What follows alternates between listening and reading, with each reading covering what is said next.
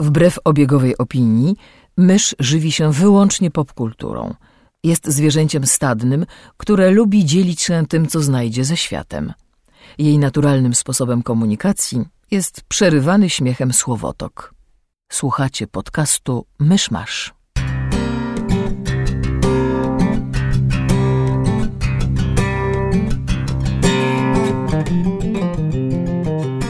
słuchacze, jest 12 marca 2018 roku, 124. rocznica rozpoczęcia sprzedawania Coca-Coli na świecie, globalnie, w ogóle. 124 lata temu pierwszą butelkę sprzedano. Zapraszam do 208 odcinka podcastu Mysz Masz. Cześć, jestem Krzysiek Ceran, a ze mną przy mikrofonie siedzi Mysz Halo! i Kamil Borek. Hej, I zebraliśmy się tutaj po długich trzech tygodniach, żeby nagrać kolejnego Myszmasza. A ponieważ od poprzedniego minęły długie trzy tygodnie, to nie będziemy omawiać wszystkich newsów, które po drodze się wydarzyły, bo były dawno temu i przestały być newsami jakieś 2,5 tygodnia temu. Tak. Więc e, skupimy się tylko na najciekawszych, czy takich, które e, w danej chwili pamiętamy. Więc e, możemy zacząć na przykład od E, od newsa z ostatniej chwili. Breaking news! Tutaj powinno być takie pikanie jak w wiadomościach, jak się pojawiają wiadomości z ostatniej chwili. Mhm, tak, to wszystko w postprodukcji. Wiadomość z ostatniej chwili w, dla naszych słuchaczy sprzed trzech dni. Ciąć! Em, pojawiła się na e, Twitterze e, Patty Jenkins, czyli reżyserki Wonder Woman i nadchodzącego sequela e, o, o tejże Wonder Woman. Pojawiła się informacja, oficjalne potwierdzenie plotek, które się rozchodziły od paru dni, że aktorka Kristen Wiig, znana głównie z e, komedii typu Bridesmaids, będzie grała w e, sequelu do Wonder Woman postać Cheetah, przeciwniczki Wonder Woman. Czekaj, która to jest Kristen Wiig? E, Z Ghostbusterów tych nowych na przykład. Z SNL, z Dobra, Bridesmaids. Chyba, chyba kojarzę. Taka chyba blondynka. kojarzę. Mhm, mhm, mhm. E, Jest to casting. e, mm, Nie wiem, co o tym myśleć. Jakby widziałam ją w wielu różnych rolach, Znaczy, ja to nie nie, wiem- jest ja nie casting, wiem, na który bym Że ja w wpadła. ogóle nie wiem, co myślić o Kristen Wiig, bo jakby ona momentami, momentami ma, momentami ma swoje momenty, mhm. Tak? e, w, ale tak, ale nie należy do grona jakichś moich ulubionych aktorek. czy- Znaczy, już teraz niemalże w ciemno mogę ci powiedzieć, że to brzmi e, jako. To wydaje się być ciekawszy przeciwnik dla Wonder Woman niż e, Ares, czy Mars, czy ktokolwiek tam biegał z wąsem w pierwszym filmie. Znaczy, ja w ogóle nie wiem, kim jest Cheetah tak naprawdę. E, Cheetah jest ta wersja, którą kojarzę, bo zakładam, że ponieważ to komiksy DC to było 15 różnych, e, jest archeolog, która trafia na coś przeklętego albo jakieś bóstwo ją przeklina i, i zamienia się w tę kobietę, kobietę geparda. Okej. E, Ale są też wersje, wydaje mi się, że w obecnych komiksach jest tak, że ona była przyjaciółką Wonder Woman, zanim ta klątwa jej dotknęła, więc to jest taka, wiesz, sojuszniczka, która przechodzi na drogę Mhm. zła. E, Wydaje mi się, że to, że to jest w miarę niedawno dopisane, ale nie jestem ekspertem od po pierwsze tego wydawnictwa, po drugie tej postaci. A w każdym razie mam wrażenie, że to jest trochę tak jak te niektóre relacje, wiesz, Batmana z Two-Face'em, że kiedyś byli po jednej stronie i tak dalej, a teraz Mhm. A teraz jest źle, ale, ale bohaterka wciąż chce jej pomóc. O, No w każdym razie sprawiło to, że jestem jeszcze bardziej ciekawa sequela, bo casting jest zupełnie nietypowy. Może zapowiada coś ciekawego. no byłoby miło, gdyby tym razem napisali trzeci akt dla swojego filmu. Tak.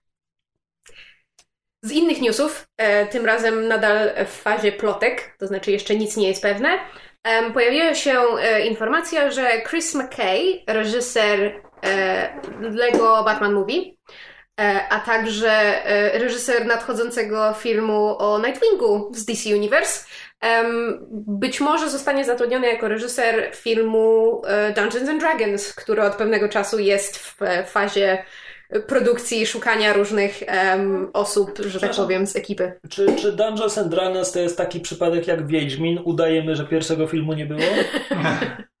Tam to w ogóle były różne Bo ja go sytuacje. widziałem.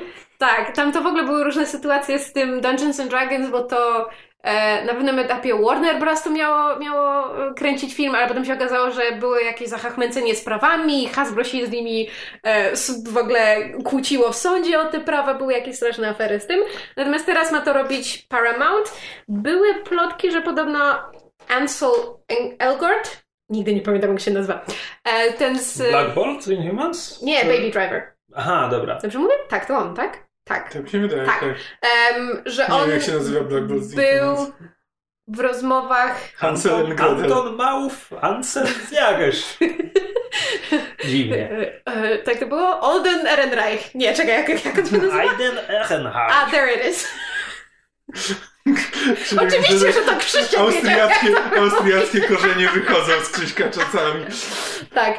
E, w każdym razie były, były plotki, że Ansel Elgort jest, em, prowadzi rozmowy, żeby grać główną rolę w tym filmie Dungeons and Dragons, ale jakby nic więcej nie wiadomo. Nie wiem, czy jest scenariusz, czy cokolwiek To jest. znaczy, to jest, to jest taki news, który z jednej strony słyszysz Dungeons and Dragons i myślisz sobie, grało się, lubi się, czy w twoim wypadku gra, Gra się, lubi się.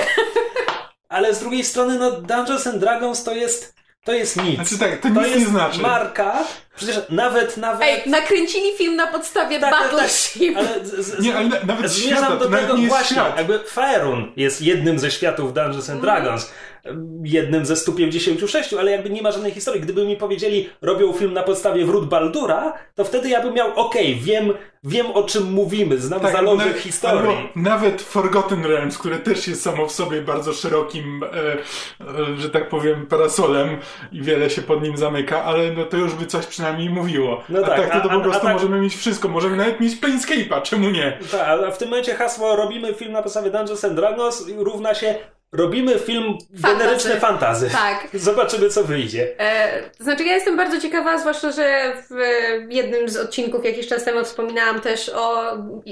Cały czas jest, że tak powiem, trwa proces powstawania filmu na podstawie serii Dragonlance, które też jest przecież zwią- związane ze światem Dungeons and Dragons. E, Bo Joe Manganiello, Joe Mangojello e, napisał e, scenariusz i temu, film, temu, temu filmowi bardzo kibicuję. Natomiast to, co się będzie działo z tym Dungeons and Dragons The Movie, to, to zobaczymy. Natomiast Em, Myślę, że reżyser jest em, w miarę sensownie dobrany, to znaczy tak z tego co słyszałam a propos Lego Batman Movie, którego jeszcze sama nie widziałam, on fajnie wyważał jakby te właśnie elementy jakby kanonu tego, czym jest Batman z elementami komediowymi i tam paroma takimi wzruszającymi momentami, więc może to jest, może to jest dobry e, wybór na reżysera. Natomiast w kwestii dobrych wyborów na reżysera Okej, ale podzielisz się tym, co jest takie zabawne? Czy... Joss Whedon zrezygnował z reżyserowania Batgirl. Ach, Ale to było takie piękne uzasadnienie, kiedy on powiedział, wiecie co, właściwie to nie miałem historii. Nie, nie. Po miesiącu zorientowałem się, że nie mam Jak historii. po miesiącu, przecież on był przy ten... powiązany z tym projektem przez pół roku co najmniej. Tak, ale on powiedział, że po miesiącu się zorientowałem, że nie mam historii. Znaczy, to brzmi, to brzmi jak, jak bardzo zła wymówka. To jest jakby, po pierwsze, no bo to nie jest tak, że masz 150 tysięcy komiksów, które możesz jakby przenieść na ekran w związku z tą postacią. To nie jest też tak, że wiesz, to byłby pierwszy film o tej postaci i każda historia z nią byłaby przełomowa, bo to nie jest tak jak Batman, że miał już 10 filmów i 150 różnych wersji ekranowych. To jest jakby... O co mu chodzi? Tak, poza tym on jest reżyserem, to jakby nie może zatrudnić kogoś, kto będzie miał historie. Jakby, Znaczy ja nie wiem, czy on nie miał i pisać, i reżyserować, no, więc... ale to jak nie może tego napisać, to niech zatrudni kogoś, Ej, słuchaj, napisze. ja się cieszę. Może Nie, ja zatrudnił kobietę. Cieszę, jakby... Że tak, no Whedon najlepsze lata mają za sobą, a i tak te najlepsze lata są wspominane teraz tak z Tak, słodko-gorzko momentami. wszystko jest rozpracowywane.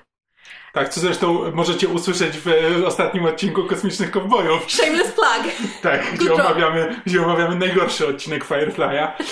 E, więc tam, tam polecamy. Ale może być już tylko lepiej. Dokładnie. E, natomiast e, skoro jesteśmy przy temacie e, reżyserów na wątpliwie właściwych miejscach, zależy kogo zapytać, ja widziałam głównie reakcje internetu, który nie był w nie powzięty. E, jak wspominaliśmy w jednym z ostatnich odcinków, pojawiła się informacja, że twórcy gry Tron mają przejąć znaczy mają dostać w świecie Gwiezdnych Wojen własną serię filmów. No i podniósł się em, raban w internecie pod tytułem e, A co z reprezentacją? Czemu nie dacie tego kobiecie? Ła, ła, ła. E, no więc teraz kolejna osoba dostała em, własną produkcję w świecie Gwiezdnych Wojen. Jest to serial live action, który ma być W sensie aktorski, aktorski Tak. nie animowany. Tak, ma być e, streamingowany w em, tym nowym nadchodzącym serwisie Disneya, bo oni nie tylko będą mieli te e, produkcje, które do tej pory powstały, ale również zamierzają tworzyć oryginalny content No, specjalnie na koniecznie, platformę no tak. streamingową. I właśnie będzie ten serial fabularny z aktorami którego y, głównodowodzącym stojącym u steru będzie John Favreau, because we need another white man. Tylko to jest też tak, że tych seriali ma być ileś, więc jest szansa, że te następne, te inne trafią się komu innemu. Tak, e, co nie zmienia faktu, że jakby internet nie jest najszczęśliwszy. Znaczy, słuchajcie, ja, mnie jest wszystko jedno, jakby ja lubię oglądać Gwiezdne Wojny, natomiast nie jestem emocjonalnie związana z, z tą serią, a jakby Johna Favreau jako twórcę lubię, to jest bardzo przyzwoity reżyser, wyrobnik i... Z ręką na sercu znam tylko Iron Man. Z e, jego dorobku. No na przykład Księgę Dżungli, A nową live action robił. Księgę Dżungli robił ten film o jedzeniu, coś tam o food trucku. E, nie szef, The Chef, A, po prostu. tak. E, to był całkiem nie najgorszy film, ale robił też e, Kowbojów i Kosmitów. E, Nie widziałam. Ja jestem umiarkowanym entuzjastą kowbojów i kosmitów. serio? Okej. No, każdy ma swoje, To nie? jest idiotyczny pomysł na film, ale też... Nie, Pomysł na film to jest najlepsze, co, to jest to, co mi się najbardziej podoba. Nie, ale, ale no i film to rozgrywa. To nie jest. Oni tam nie mrugają do, do widza w każdej scenie. Patrzcie, jakie to głupie. Oni wzięli film o tym, jak kowboje walczą z kosmitami i zrobili z tego po, tak poważny western na ten temat, jak tylko byli w stanie. E, To nie był dobry film, ale. Wiesz co, ja już nie pamiętam. No, jeśli, jeśli on miał jakąś przestrzeloną kampanię marketingową, że patrzcie, to jest blockbuster tego lata, no to jasne, przesadzili, przestrzelili w ogóle. Ale to jest bardzo spoko film klasy B, który wiesz, jak jedziesz autokarem pół dnia i puszczają ci go na telewizorze, to go obejrzysz i będziesz miał z tego radochę. Ja tak teraz jeszcze patrzę, czy John Favreau w ogóle coś robił dla telewizji. Przy czym problem jest taki, że owszem robił, ale pojedyncze odcinki. E, reżyserował.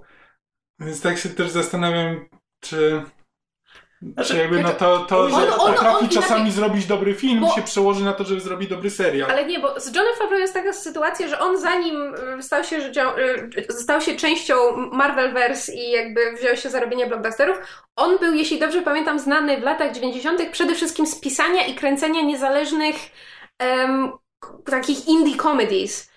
em, o, o związkach, o miłości, o życiu. Ja, ja chyba żadnego z nich nie widziałam, natomiast słyszałam bardzo dobre rzeczy. On między innymi napisał i wyreżyserował film Swingers, który jest pod pewnymi względami uznawany za film właśnie kultowy z lat 90. Więc nie wiem, może kiedyś byśmy obejrzeli, zobaczyli, Znaczy, o co chodzi. ja na koniec mogę tylko dodać tyle, że pamiętajmy, kto robi Gwiezdne Wojny, Kathleen Kennedy. Jeśli on zboczy z toru, jeśli nie będzie wyrabiał, to ona go chwyci za jaja i albo wyjdzie mu coś dobrego, albo go wymieni na kogoś innego, tak jak już to zrobiła To przy. Hanie Solo, więc Znaczy, ja bym się, szczerze mówiąc, o Favreau w tym momencie bym się martwiła najmniej, dlatego że mówię, to jest po prostu, to jest porządny wyrobnik. On Mhm. wie, co robi. Na przykład właśnie Księga Dżungli, którą on zrobił dla Disneya, to jest przyzwoity, porządnie zrealizowany film, który robi dokładnie to, co ma robić. Teraz Favreau jest też odpowiedzialny zresztą też dla Disneya za Króla Lwa live action, więc jakby możemy. Znaczy- będziemy mogli zobaczyć jeszcze raz, czy się sprawdza. Kolejna kwestia to jeszcze poczekajmy na jakby ogłoszenie, kto to będzie pisał, jaki, Mhm. jaki będzie zespół e, e, scenarzystów, bo to może też jakby sporo zmienić, no bo on tak naprawdę no to jako showrunner to te bardzo często jest tylko Znaczy od, od wszystkiego i od niczego. tak, dokładnie, więc tak może Mm. być bardzo, bardzo taka tylko administracyjna funkcja bardziej niż, e, niż kreatywna, ale to już, to już zobaczymy. A skoro jesteśmy przy kosmitach i przy szeroko pojętych produkcjach o kosmosie, e, pojawił się e, trailer do nowego serialu Netflixa pod tytułem Lost in Space. Mówię nowego, bo to jest nowy serial dla Netflixa, natomiast technicznie rzecz biorąc jest to remake em, serialu, e, który miał swoją premierę w Stanach w telewizji CBS w latach 60. pod tym samym tytułem Lost in Space. miał też swój film we wczesnych latach 2000. Och, on miał dużo spin-offów, filmów i różnych rzeczy. Garym Oldmanem w roli złego doktora i to wszystko, co pamiętam. Ja go widziałem, Hmm. ja chyba byłem na nim w kinie i po prostu proszę. był tak, Tak, do tego scenariusza napisał. Akiva Goldsman, tam grał William Hurt też. możliwe. Tak, film ma chyba jakieś, nie wiem, bo dzisiaj sprawdzałam, ma jakieś chyba 5,6 na IMDb. Słuchaj, możesz mi powiedzieć, że były w nim sekwencje taneczno-śpiewane i też ci uwierzę, bo naprawdę Nic mi nie zostało z seansu. No w każdym razie e, oryginalny e, serial e, był w latach 60. w telewizji. E, twórcą był Irwin Allen, który w e, Hollywood był znany jako em, mistrz katastrof, bo on był odpowiedzialny za filmy Tragedia Poseidona i Płonące Nie. Inferno, które swego czasu odniosły, odniosły Nie. bardzo duże... Płonący wieżowiec? That's what I meant! Bo to jest Towering Inferno i mi się zawsze miesza jedno z drugim. Dziękuję. Płonący wieżowiec. E, zresztą to jest film, który ja kiedyś widziałam w telewizji i w moich wspomnieniach ten film trwa 4 godziny i ja nie wiem, czy to jest prawda. Towering Bo to był czy to nie był jakiś... On Telewizyjny, trwa, on czy on trwa właśnie- zaskakująco długo. No właśnie. Obejrzałabym swoją Ale drogą, ja- bo mam niesamowite wspomnienia z tego filmu. Ja tylko chciałbym powiedzieć, że brakuje mi takich tytułów filmów. Jakby jak, Płonący na, Inferno. na, narzekam, no nie, no, narzekamy na tłumaczenia ty- tytułów i tak dalej, tak dalej, albo na wydumane, albo na wydumane tytuły czy coś. A tutaj masz film, który nazywa się Płonący Wieżowiec. O czym jest? Hmm, zastanówmy się. Wiesz co, to jest, to jest, to jest w pewnym sensie idea, która przyświeca polskim e, dystrybutorom filmowym. Niezależnie o czym jest film, zrobić tak, żeby był o miłości, albo był bezpośrednio o tym, o czym ma być. bzdura, nie, nie, nie, zupełnie, to zupełnie co innego. E, wiesz co, Znaczy, jeśli chodzi o Zagubionych w kosmosie, serial Netflixa, to najbardziej zainteresowała mnie kampania marketingowa Netflixa, bo wysyłali na Twitterze wiadomości każdemu Williamowi Robinsonowi, którego mogli znaleźć z hasłem Danger, Danger Will Will Robinson. Robinson, tak, bo to jest, to jest jak, jeżeli nasi słuchacze nie wiedzą, bo nie, nie muszą widzieć, to jest mimo wszystko stary serial.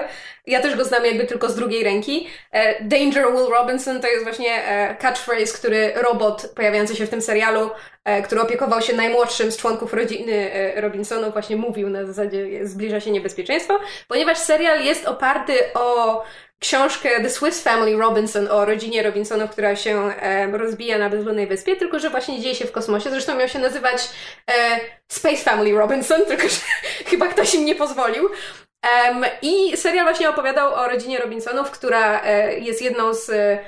Znaczy nie, jest, em, została wybrana jako rodzina, która e, zostaje wysłana w kosmos, żeby zasiedlić jakąś tam planetę, ale ich misja zostaje e, sabotowana e, i lądują gdzieś na jakiejś nienazwanej planecie w środku kosmosu, no i prawda, jak się mają z tego wydostać. No i remake Netflixa opiera się na bardzo podobnym pomyśle, tylko że statek jest jednym z wielu statków, które ruszają, żeby kolonizować kosmos. Nasi bohaterowie trafiają w jakąś dziurę czasoprzestrzenną, trafiają na nienazwaną planetę, gdzie spotykają robotycznego kosmitę, który jest ekwiwalentem robota z oryginalnego em, serialu. I zresztą w trailerze pada Danger Will Robinson i mi jakoś tak dziwnie serduszko zabiło. Mimo, że nie oglądałam tego serialu, więc naprawdę nie wiem, do czego ja czuję nostalgię. E, natomiast fajna jest też em, obsada, bo e, głowę rodziny Przy- gra... Przepraszam, przypomina mi się cytat z Community, gdzie Brita mówiła, że byłam nostalgiczna od bardzo młodego wieku. tak, to mniej więcej na takiej zasadzie. Tak zwany borrowed nostalgia mi się udzieliło. E, I e, ciekawa jest przede wszystkim obsada, bo w głównych rolach, e, rolach głów rodziny występuje Toby Stevens z serialu Black Sails i Molly Parker z serialu Deadwood, więc pod względem jakby em, aktorskiego kunsztu serial ma co nieco do zaoferowania. Wygląda to strasznie fajnie, ale, ale słuchajcie, zmartwiło mnie, ponieważ doszłam do tego, kto odpowiada za serial. Twórcami serialu jest duet, który odpowiada, Krzysztofie, przy, przygotuj się, za nasz ulubiony film ostatnich lat. Dracula, historia nieznana. czekajcie, czekajcie. The Last Witch Hunter z Winem Dieslem i Werble, bogowie Egiptu. Wow! żaden z nich nie zrobił mumii, więc wciąż są do przodu. A z Ale drugiej to jest strony... porządne kombo. A z drugiej strony mumię zrobił Alex Kurzman, który zrobił Star Trek Discovery, które było bardzo okej, więc Mhm. no, Zobaczymy. no, no. Natomiast Toby Stevens to oczywiście też niezapomniany Gustav Grace z Die Another Day. Och, tak, E, oczywiście. Chciałem powiedzieć najgorszego Bonda w historii, ale, Ale. potem przypomniałem sobie o Spectre. Mm, Quantum of Solace. Quantum Nie. Spectre. Nie Quantum cierpię of Solace. Quantum O of mój. Boże, nie, dobra, nie Mieliśmy teraz rozmowę. Dobrze, i to chyba tyle z newsów. Chociaż e, w tej chwili mi przyszło do głowy, bo tak wspomniałam o tej platformie e, streamingującej, streamingowej do streamowania Disneya. E, I nie wiem, czy wiecie, ale film jest drobna afera w internecie, jak wszystko w internecie. Znaczy, wszystko zawsze się dzieje w internecie. Jak O- wiadomo, Nic w internecie nie jest drobne. w internecie są sami drobni aferzyści. więc- Tak. Jest afera o dystrybucję filmu Annihil- Annihilation. z... Anihilacja na tak. podstawie Jeffa Vandermeera, Z Alexa Natalie Portman. Tak, z Natalie Portman. No, Netflix dystrybuuje na świecie. Tak, tylko właśnie jakby są, są pretensje o to, że, że Netflix, ponieważ film wyszedł w Stanach chyba w limited re- release i miał fatalne wyniki, absolutnie fatalne, w związku z tym e, dystrybutor się, się szybko zorientował, co, co jest na rzeczy i, i sprzedał prawo Netflixowi, w związku z tym teraz ludzie się pieklą o to, że, że będą musieli to oglądać na Netflixie w domu na komputerze, a nie na dużym ekranie w kinie, co jest o tyle kłopotliwe, że właśnie pod względem, pod jednym względem recenzje były zgodne, to znaczy, że film może em, znaczy, że film jest e, bardzo dobry i przede wszystkim piękny wizualnie i należałoby go obejrzeć na dużym ekranie, tylko po prostu e, jakby to powiedzieć, widownia nie dopisała. I czytałam bardzo ciekawy artykuł właśnie na temat tego, że, e, że jakby możemy tylko siebie za to winić, to znaczy w sensie wzrost em, popularności serwisów streamingujących i tego, że ludziom się nie chce wychodzić z domu i iść do kina, wolą obejrzeć coś w domu na kanapie, zaczyna prawdopodobnie prowadzić do tego, że coraz więcej filmów będzie wychodzić w takiej dystrybucji, Okej, zamiast trafiać do kin. Z, z mojej perspektywy to są najmniejsze skrzypce świata, jakby. e, no. Okej, no to Znaczy- nie będę sobie oglądał na Netflixie, nie w kinie. Jakby lubię chodzić do kina, ale to naprawdę nie jest dla mnie pierwsze, najważniejsze i pierwsze Znaczy, ja tego bardzo nie kupuję, no bo Anihilacja, ja nie wiem czego dystrybutor Anihilacji się spodziewał, ale myślę, że jeśli spodziewał się wyników lepszych niż dajmy na to puszczenie w tym momencie Solaris Tarkowskiego gdzieś w kinie w Los Angeles, na co przyjdą dwie osoby i jeden bezdomny, e, no to spodziewał się zbyt wiele. Jakby znam materiał wyjściowy, czytałem tę książkę, e, kojarzę twórczość Alexa Garlanda, więc zakładam, że to jest ultra ambitne science fiction, takie filmy się nie sprzedają, Znaczy, kropka. Nie, ale właśnie o to chodzi, znaczy dla mnie To na są przykład... filmy, które właśnie skupuje Netflix na, tylko- na kilogramy po To, prostu. ale, inaczej, ja się z wami nie kłócę. Dla mnie tak naprawdę rozwiązanie, które wymyślił dystrybutor i to, że, że Netflix y, wykupił ten film i go dystrybuuje, y, że tak powiem, na, na szeroki świat, to jest właśnie najmądrzejsze rozwiązanie. Więcej filmów powinno iść tą drogą, jeżeli właśnie nie chcą mieć takich dużych strat, a w ostatnich latach coraz więcej się czyta właśnie o filmach, które, prawda, miały ogromny budżet, miały na siebie zarobić, a ledwie były w stanie wyjść na zero, albo nawet i nie to. W związku z tym dla mnie to jest właśnie sensowne rozwiązanie i nie rozumiem tego, że ludzie mają pretensje. Znaczy jakby ja się cieszę, że dzięki temu jesteśmy w stanie ten film obejrzeć, że tak powiem, On na równi z całą resztą pol- świata. dystrybucji polskich No kinach. właśnie, więc jakby... Znaczy, to jest właśnie to, na co ja liczyłem od jakby niekoniecznie samego Netflixa, bo Netflix właśnie, tak jak wspomniałem, ma w, teraz politykę taką, że skupuje po prostu science fiction na kilogramy i je wypuszcza niezależnie od jakości, e, ale właśnie liczę na to, że ambitny science fiction stanie się domeną e, platform streamingowych. To jakby nie jest coś, na co, co koniecznie musi być w kinie, to, to jakby to mogą być, to mogą być fajne pomysły zrealizowane właśnie na mniejszą skalę. Jakby to, że, to, że science fiction musi być realizowane w wielkim budżecie za kilkaset milionów dolarów, to jak dla mnie jest większy problem niż to, e, To niż jest- to, że jest nie to, jest w kinie. To jest to, co właśnie pogrążyło Blade Runnera 2049. Mhm. On po prostu absolutnie nie potrzebował tak dużego budżetu. E, I gdyby to było po prostu, gdyby to było na Netflixie i gdyby to miał być właśnie kultowy, e, coś co przyciąga garstkę ludzi, ale przyciągnie ich na tyle, że właśnie, że dlatego kupią e, abonament do Netflixa, a niekoniecznie pójdą do kina, no to to- są właśnie filmy, których się spodziewam. No i tego typu rzeczy jak Anihilacja też. Co mi przypomina, że nie widziałem jeszcze Miód, ale recenzje są Tak. Absolutnie bardzo fatalne, złe. tak. Tak. To duża szkoda. A Anihilacja, żeby zakończyć temat, ma chyba premierę wtedy, co ten odcinek, 12 marca. No proszę. Hmm. Poniedziałek? Jestem prawie pewien, że tak. Istnieje taka szansa. A nie, po prostu w sensie, że streamingową premierę to nie może być A kiedykolwiek. swoją drogą przeczytałem dzisiaj czy wczoraj, że Alex Garland tak jakby zasadniczo wyreżyserował Dreda. Mówię tak jakby zasadniczo, bo on był scenarzystą tego filmu, a jako reżyser jest podpisany kto inny, ale podobno Garland do tego stopnia przejął montaż i tak dalej, że... To jest e, jego film. em, Znaczy mówimy o tym dredzie z Karlem tak, Urbanem. Tak, tak. I, I Urban właśnie ostatnio mówił w jakimś wywiadzie, że, że zasadniczo Garland wyreżyserował ten film, że, i że ma nadzieję, że kiedy będą wymieniać jego twórczość, że ludzie będą pamiętać, że jego twórczość to jest Dread Ex Machina Anihilacja. A czekaj, a kto jest oryginalnie podpisany jako reżyser Dreda? Sprawdziłem to i już zapomniałem. No nieważne. Nie, nieistotne, nie sprawdzę. Dobrze, ale to chyba tyle z newsów. Chyba tak. To w takim razie przechodzimy e, tradycyjnie do omówienia tego, co kto w tym tygodniu, a właściwie w ostatnich minionych tygodniach widział i konsumował, ale zanim do tego przejdziemy, drobny, e, drobna informacja, że tak powiem, wewnętrzna, mianowicie ze względów e, e, służbowych i czasowych. W tym odcinku nie będzie klubu filmowego Myszmasza, ponieważ nie wyrobiliśmy się w czasie z obejrzeniem filmu, więc nie możemy go omówić, ale będzie na pewno w, nad, w następnym odcinku. Słuchaj, a może właśnie spróbujmy go omówić bez obejrzenia.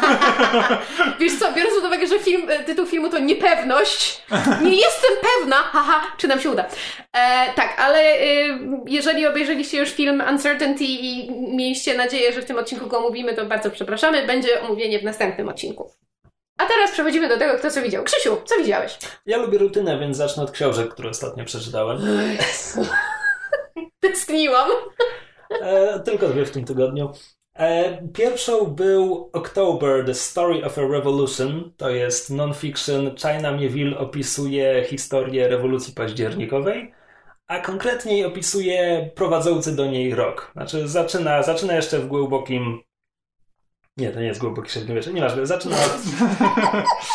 No zaczyna od Iwana Groźnego, tak? Zaczyna historię rewolucji październikowej z 1917 od Iwana Groźnego, ale, ale nie poświęca mu bardzo dużo czasu.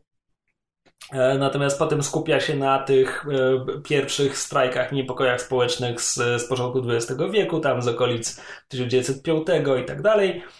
E, po czym poświęca trochę więcej czasu na 1916 i już od stycznia 1917 każdy miesiąc 1917 roku dostaje swój rozdział. E, I szczerze mówiąc, czytając to, jakby ja nie wiedziałem, w którym momencie to się skończy, a kończy się, zasadniczo kończy się pod koniec października. Tam potem jest tylko takie bardzo krótkie podsumowanie tego, jak właściwie co się stało, kiedy już bolszewicy przejęli władzę, bardzo szybko o, o tej nieudanej kontrrewolucji, o wojnach czerwonych z białymi. E, potem szybko przeskakuje przez śmierć Lenina, no i jakby, że tak powiem, odhacza Stalina i stalinizm i to, w co to wszystko się zmieniło. I właśnie to jest jakby punkt wyjścia do tej książki, to znaczy on pisze, że minęło 100 lat od rewolucji październikowej i że jej opisywanie zawsze w jego percepcji zawsze było skażone tym, że e, skażone takim myśleniem, że jeśli, jeśli pa, rewolucja październikowa to stalinizm, co wcale nie jest prawdą, tak? Jakby absolutnie nie musiało się to skończyć terrorem Stalina i gułagami i milionowymi ofiarami i tak dalej.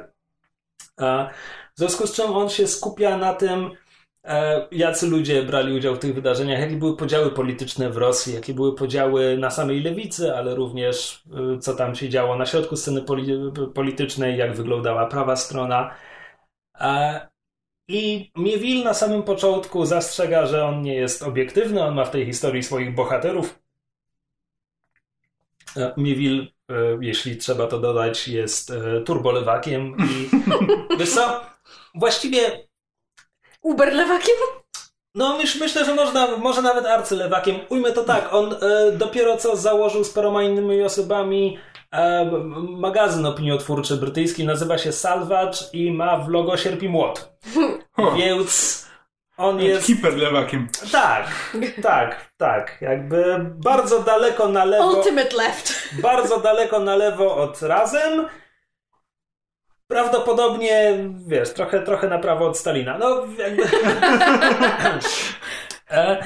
Tak, to, ale, ale wciąż nad jego prawym ramieniu.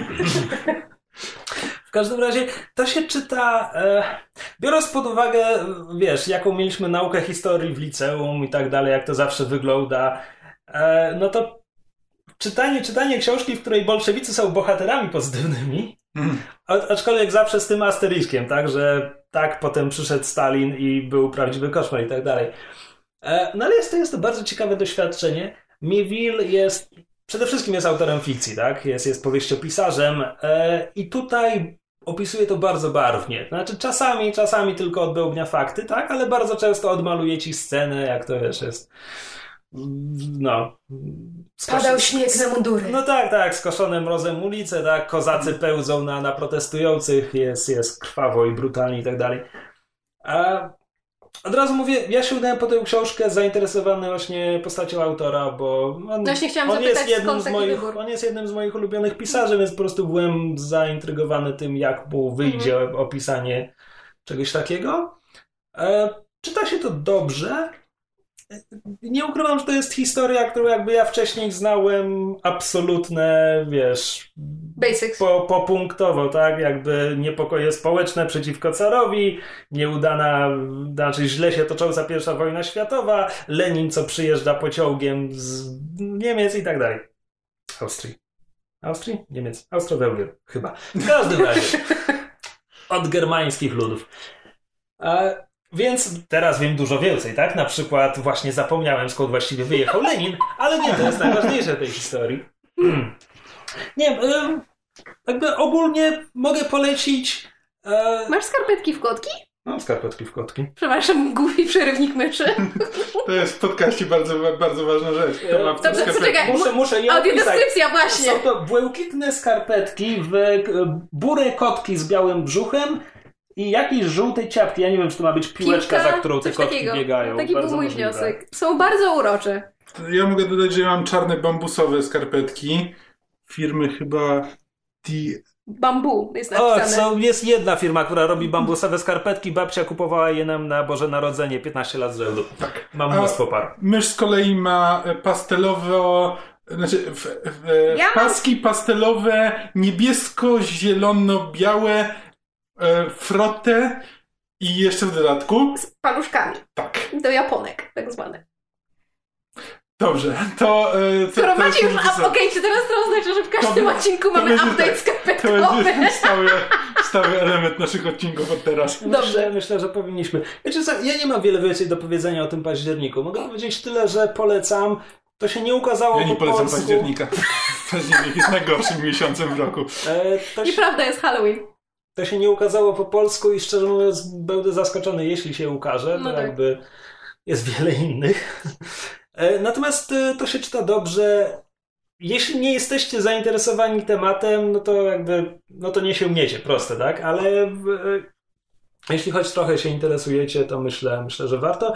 Chociaż to jest, to jest książka dla kogoś takiego jak ja, tak? W- Zdam W punktowo. skarpetkach w kotki. Tak, tak, zdecydowanie. jeśli, jeśli siedzisz w skarpetkach w kotki i wiesz trzy rzeczy o rewolucji październikowej, to ta książka da ci Nie kwalifikuje bardzo, się. bardzo poszerzy ten, e, twoją wiedzę.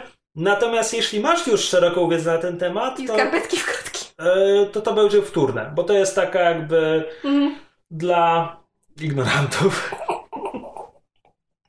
Ale jest dobra, jakby było, było spoko. A druga książka? Druga książka.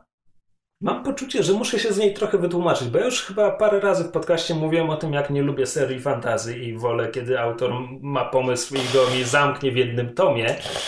E, Co, za, co zacząłeś czytać, przyznaj się? Koło czasu. Znaczy, słuchaj, ja czasami mimo to sięgam po pierwszą część jakiegoś z cyklu, no bo czasami jestem mile rozczarowany, tak? A mile zaskoczony chciałem powiedzieć. A czasami, a czasami czytam Altered Carbon.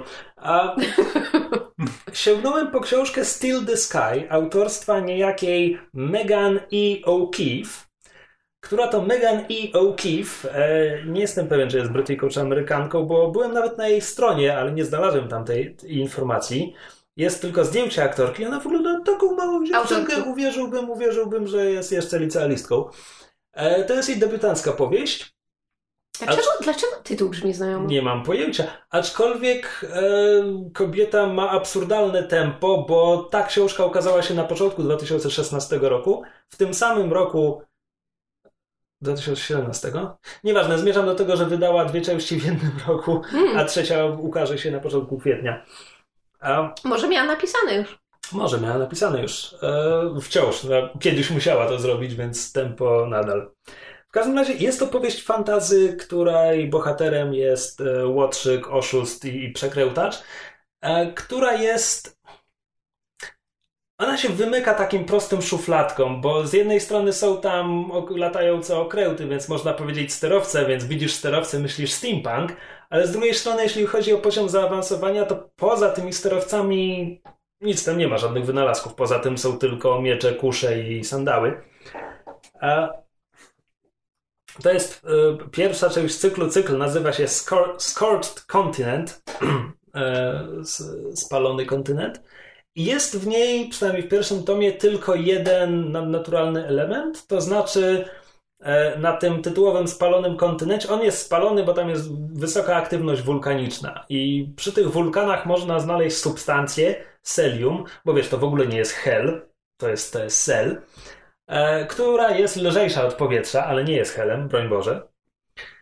E, I można, wydobywa się ją z kopalni, napełnia się nią balony tych okrętów powietrznych, żeby latały i tak dalej, i może też służyć do paru innych rzeczy. A elementem nadnaturalnym są ludzie, którzy rodzą się z talentem w jakiś sposób związanym z tym selem. Większość z nich może wykrywać jego obecność, może go też jakby przemieszczać fizycznie. Manipulować, jakby, nie? Mają taką telekinezę ograniczoną tylko do tego selu. W związku z tym żołdzące... Do tego celu? Przepraszam. W związku z czym e, żołdzące tym, tym kawałkiem świata imperium przymusowo zatrudnia ich do pracy przymusowo zatrudnia ich do pracy w tych kopalniach. E, I muszą tam odbełbnić, nie wiem, 20 lat przy linii produkcyjnej czy coś takiego. Nie wiem, ta informacja nie pada, ale zakładam, że dość długo to trwa. E, I dopiero po, wiesz, odbyciu tego obywatelskiego obowiązku muszą, mogą przejść na emeryturę. W tym czasie to imperium o nich dba, jakby daje im kwatery i tak dalej, ale, ale jeśli urodziłaś się z tym darem, no to nie ma mowy, żebyś robiła cokolwiek innego ze swoim życiem, musisz pracować w tej kopalni. Jeśli się od tego uchylisz, ukryjesz swój talent, to jesteś przestępcą. Ścigają cię.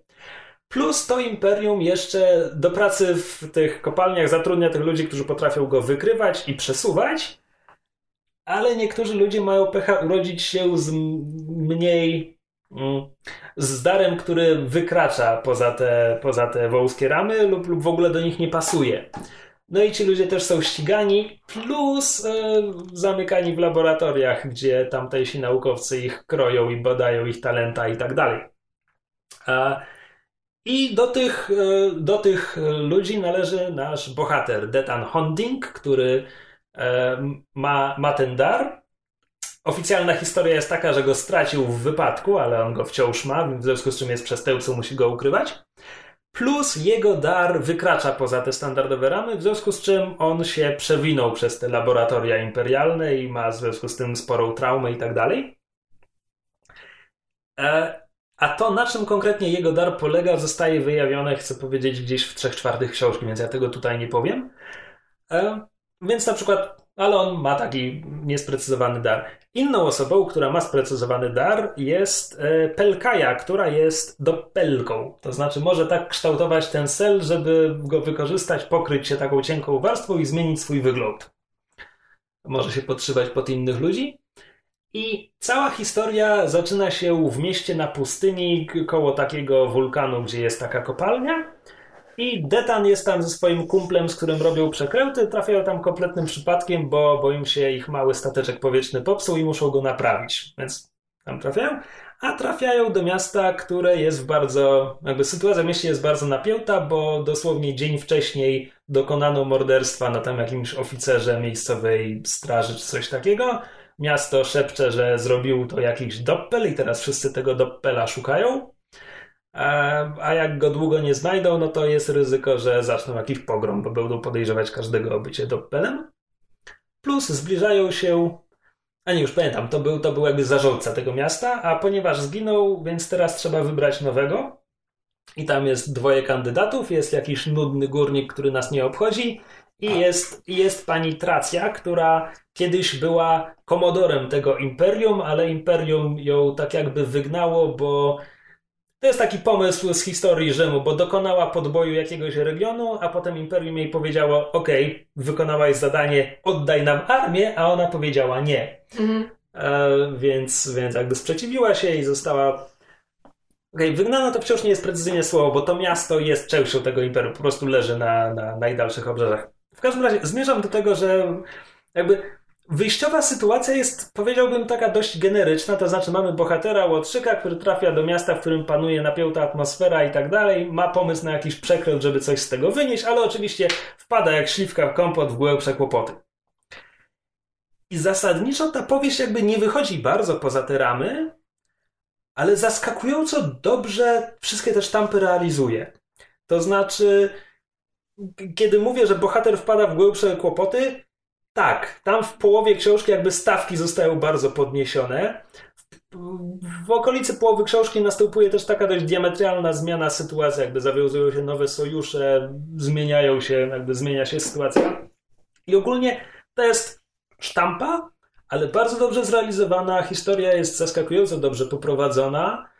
Um, jest tam jeden czy dwa wątki, gdzie albo ja przegapiłem jakąś informację, albo, albo autorka nie do końca była w stanie przekazać, co ma na myśli. To znaczy, bohater na coś reaguje, i ja w tym momencie nie wiem, czy ja mam wiedzieć, czemu on tak mocno zareagował, czy, czy autorka to przede mną ukrywa i ujawni mi to później. Więc, ale to jest dosłownie jakaś tam, nie wiem, jedna, pleców w książce, która ogólnie naprawdę bardzo mi się podobała. Jestem aż zaskoczony tym, jak mi się to podobało.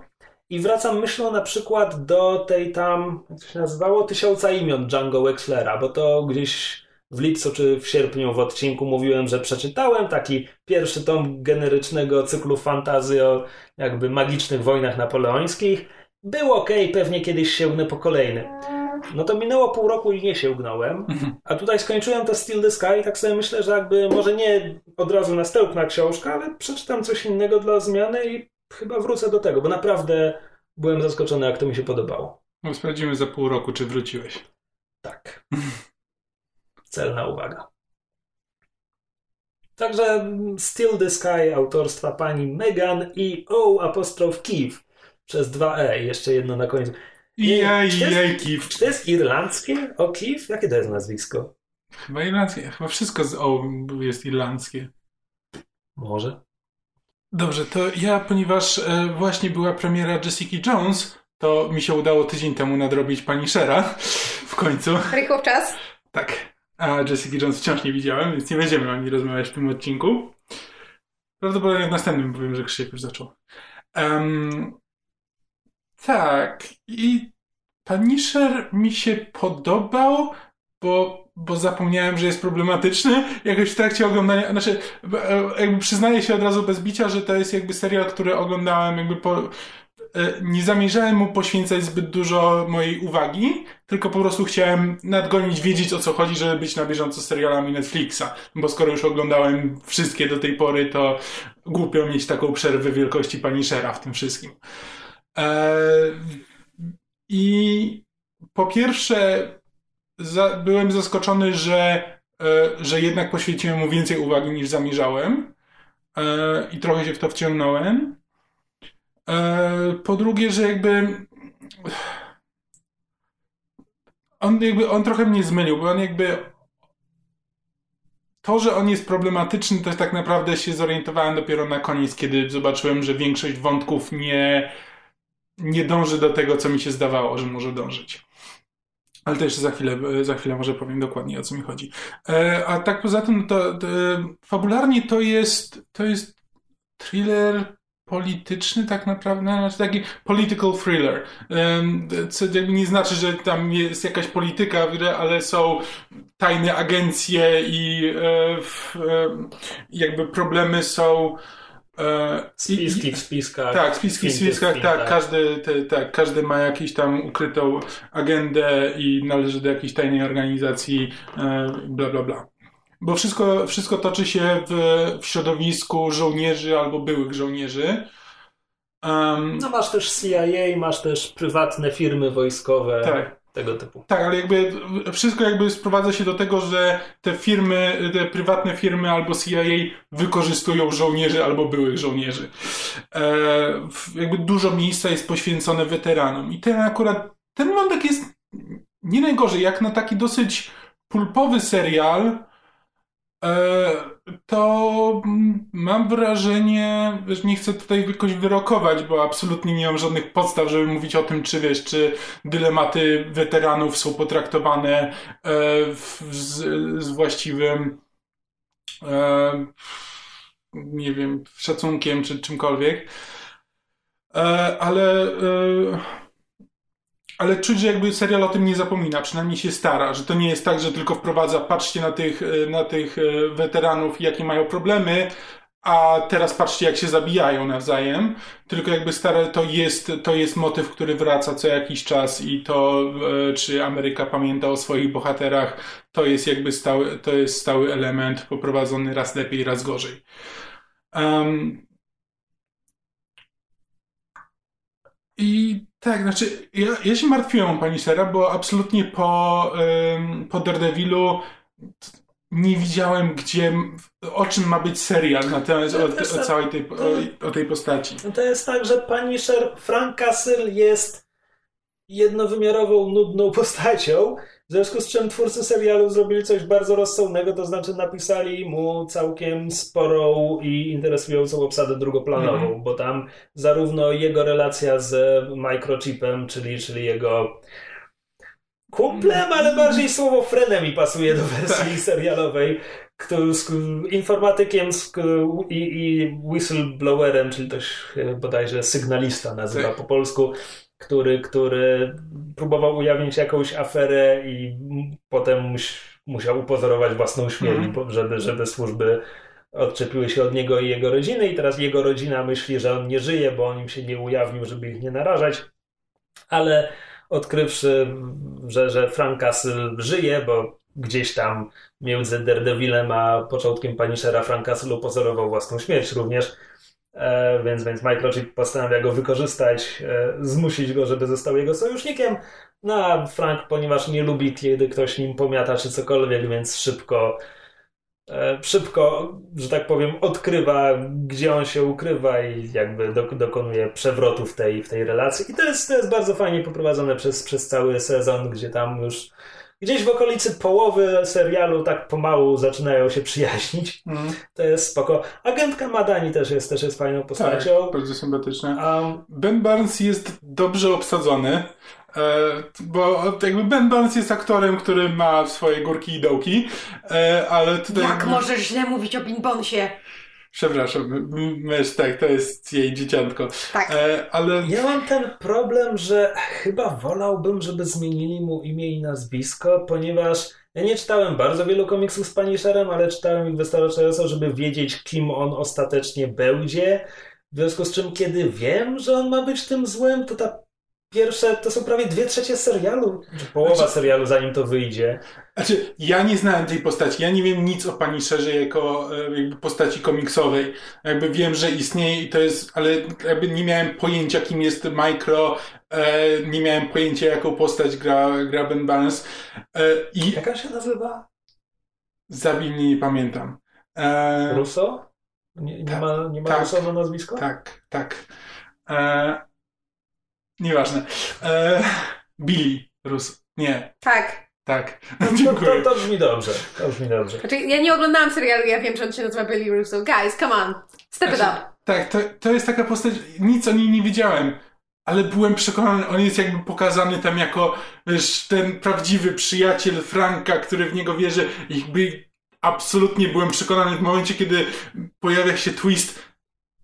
E, e, jakby byłem czy serial mnie próbuje teraz zaskoczyć, czy, e, czy to ma być pokazane jako taki po prostu stwierdzenie faktu, tak, e, tak, owszem. E, absolutnie nie miałem żadnych wątpliwości, że ta postać musi się okazać e, negatywna. I to jakby...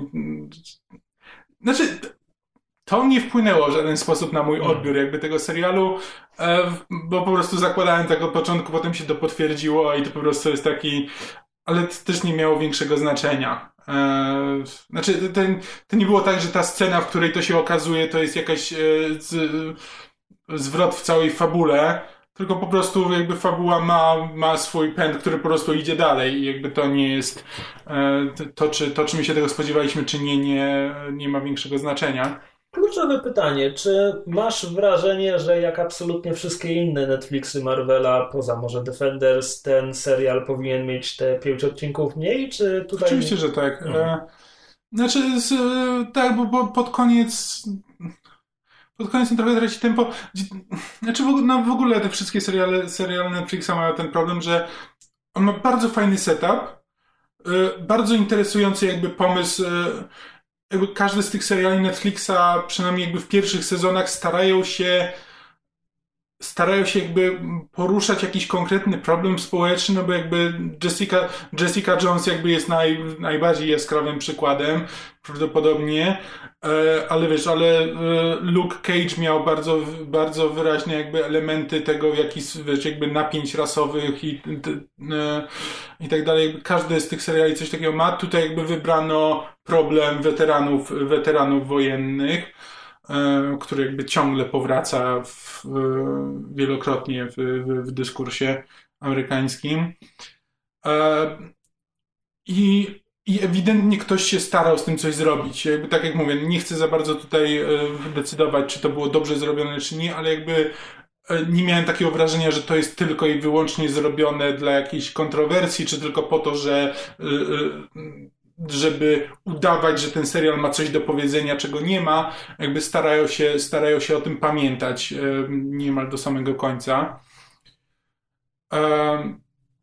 Tylko, że to się wszystko kończy takim bardzo miałkim, praktycznie rzecz biorąc, happy endem. Znaczy tak, moment, w którym Czekaj, jak bardzo spoilerowo to omawiamy? Dobra, Minęło no, pół znaczy roku. tak, ogłaszam w tym momencie, powiem, teraz będziemy już sypać spoilerami z rękawa. Ja już spoilerem trochę sypnąłem, ale takim, który nie ma większego znaczenia, ale teraz będziemy spoilerować już e, całą końcówkę serialu, więc jeśli ktoś jeszcze nie oglądał, to niech przeskoczy do następnego segmentu. Tak, mo moment, w którym okazuje się, że Frank Castle dostaje jakieś uniewinnienie za wszystko tak. i jest wolnym człowiekiem i to, to było takie, ale, ale Czemu właściwie? Przecież on zabił jakieś chore ilości żołnierzy, znaczy wiesz, no, prywatnych żołnierzy działających dla złej organizacji, ale CIA! żołnierzy. Tą organizacją jest CIA! Tak, znaczy, że to jest jakby... Sorry. Znaczy, to jest jakaś tam tajna... Znaczy, że owszem, że ten, e, jakkolwiek by się nie nazywał zły człowiek CIA, wykorzystał swoją komórkę do tajnych działań i jakby ale to są, to są szeregowi żołnierze, których Frank Castle zabija na kilogramy. E, ludzie, ty, ci ban, e, tych bandziorów, których zabił na samym początku, na budowie. E, no owszem, to są źli ludzie, ale to są jakby jacyś tam zwykli złodziejaszkowie.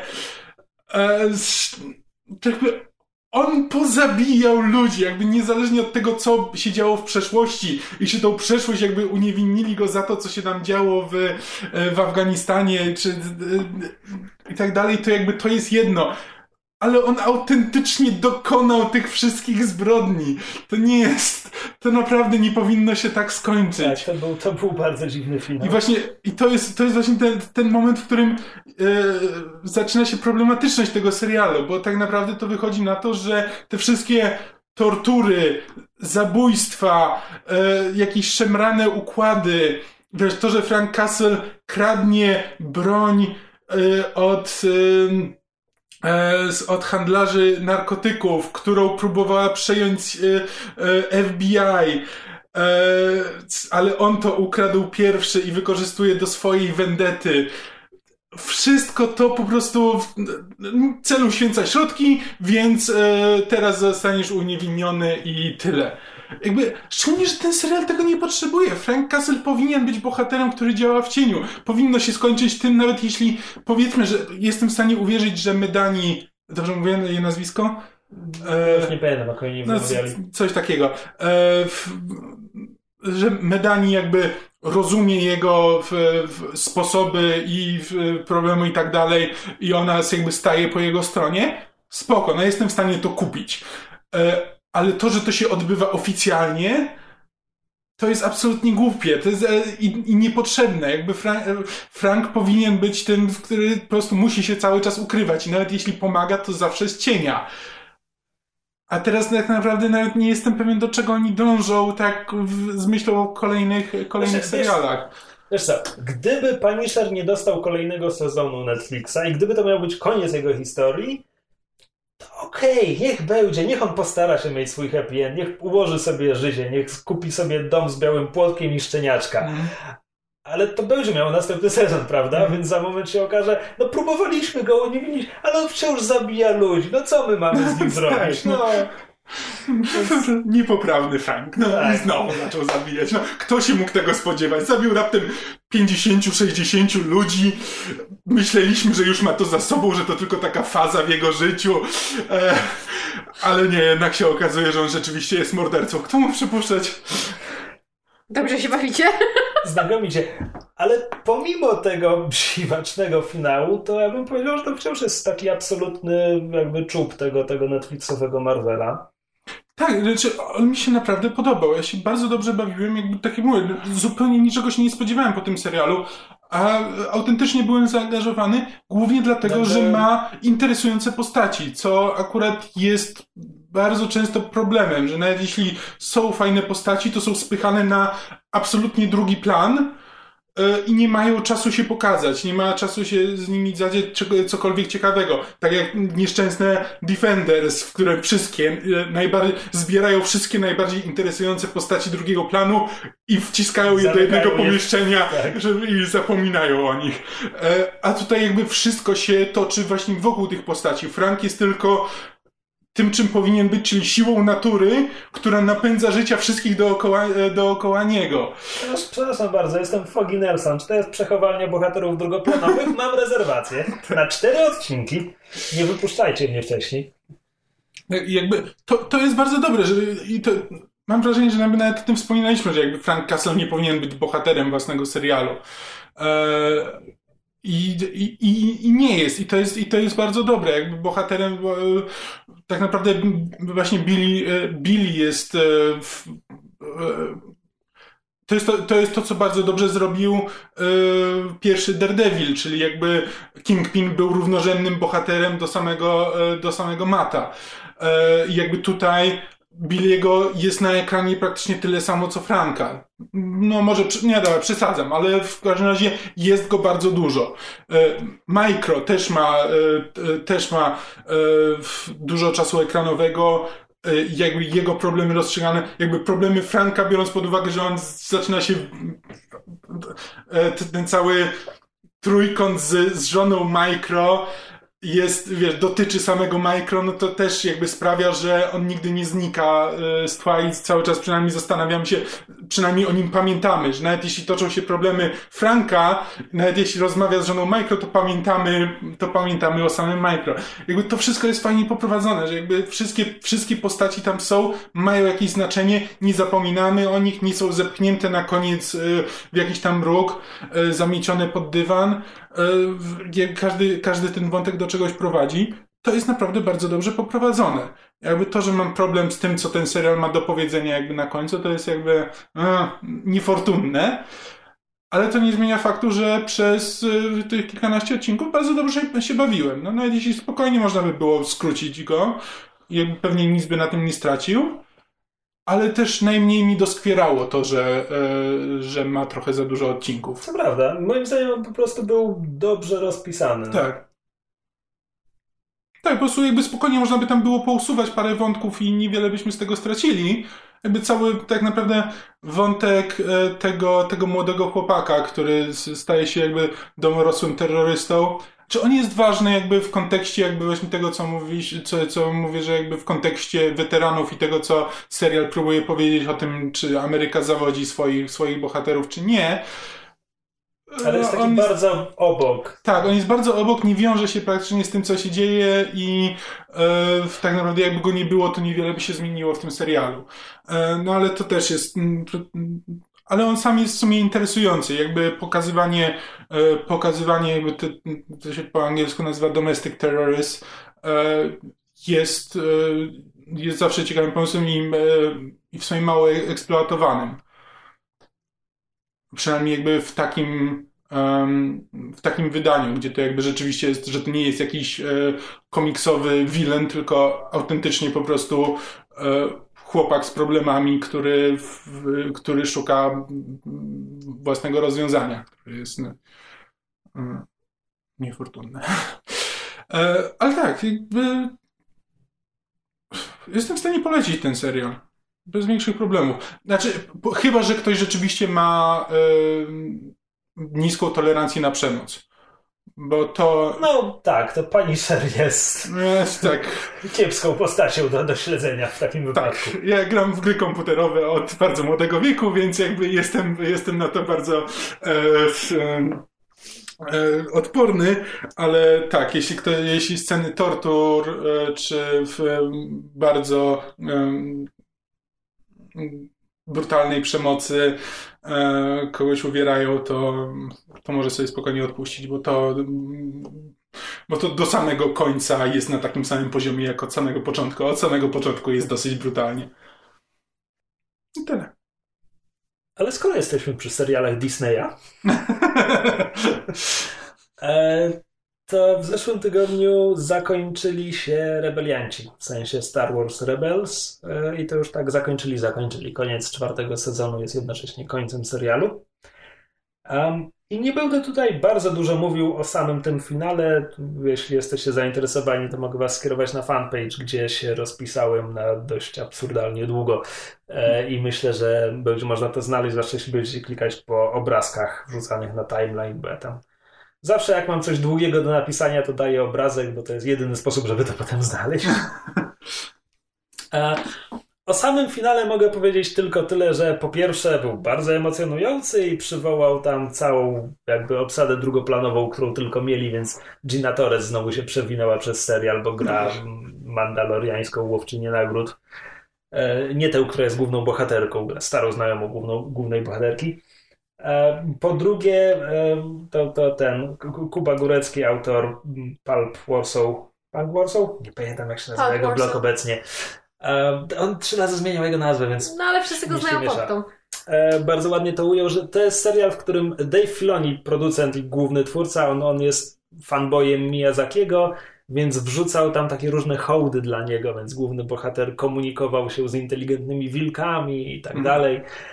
E, I w finale po prostu podkręcił to do, do 11 w sposób, którym jakby ma sens i stanowi taką ładną klamrę dla bohatera, bo ten, ten kosmiczny Aladdin, jakby komunikowanie się z różnymi istotami, świadomymi i nie, było jego główny, głównym talentem, który wyróżniał go jako Jedi, tak? No bo Jedi mogą mieć mogą umieć różne rzeczy i niektóre wychodzą im lepiej, inne gorzej, tak? No i Ezra jakby bardzo łatwo nawiązywał więzi ze, ze zwierzątkami albo różnymi dziwnymi kosmitami i tak dalej. No i ten wątek wraca w finale nie powiem, zaskakujący sposób, który bardzo mi się podobał.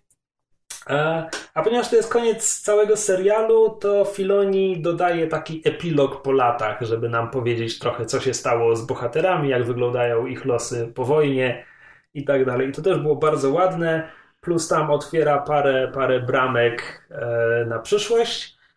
Czy on sam je wykorzysta, czy może one są dla innych twórców robiących Expanded Universe, nie wiadomo. Wiadomo, że on robi następny serial animowany, ale to wszystko, co o nim wiadomo. Jakiś czas temu Disney zarejestrował e, znak handlowy Resistance, więc pojawiła się jakby teoria, że następny serial animowany będzie opowiadał o ruchu oporu w czasach najnowszej trylogii, mm. ale to jest wszystko palcem na wodzie pisane, więc jeszcze się, jeszcze się okaże.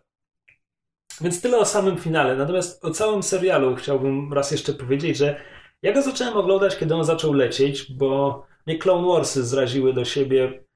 Przemęczyłem cały pierwszy sezon Clone Warsów i nie miałem ochoty oglądać dalej. I mm. potem słyszałem, że ten serial się niewiarygodnie poprawił i w ogóle, ale nigdy nie miałem tyle samozaparcia i chęci, żeby do niego hmm. wrócić. Natomiast zacząłem oglądać Rebelsów, bo pierwsze co o serialu wiedziałem, to to, że on będzie o grupce bohaterów, którzy latają sobie stateczkiem i są takimi trochę Robin Hoodami, nie lubią Imperium, ale nie są jeszcze oficjalnie rebeliantami. I jak tylko pojawiła się ta zapowiedź, to ja miałem jedno skojarzenie. To brzmi jak Firefly w świecie Gwiezdnych Wojen. Mm -hmm. Co oznacza zatoczenie pełnego kręgu, bo Firefly jest serialem o Hanie Solo poza Gwiezdnymi Wojnami. A, I ten. I zacząłem oglądać ten serial, plus samo to, żeby to był przeskok w czasy bliższe oryginalnej trylogii, czyli żadnych klonów, żadnych droidów, żadnego, no tak. nie wiem, Grievousa i tak dalej, tylko po prostu Imperium, szturmowcy i TIE Fightery. A, tylko, że ten pierwszy sezon. Ja odpadłem w połowie pierwszego sezonu. Znaczy, obejrzałem do początku przerwy świątecznej i już do niego nie wróciłem, bo to było takie tak, bohaterowie strzelają się ze szturmowcami, ale ci szturmowcy są tak durni jak te droidy bojowe z, z epoki wojen klonów.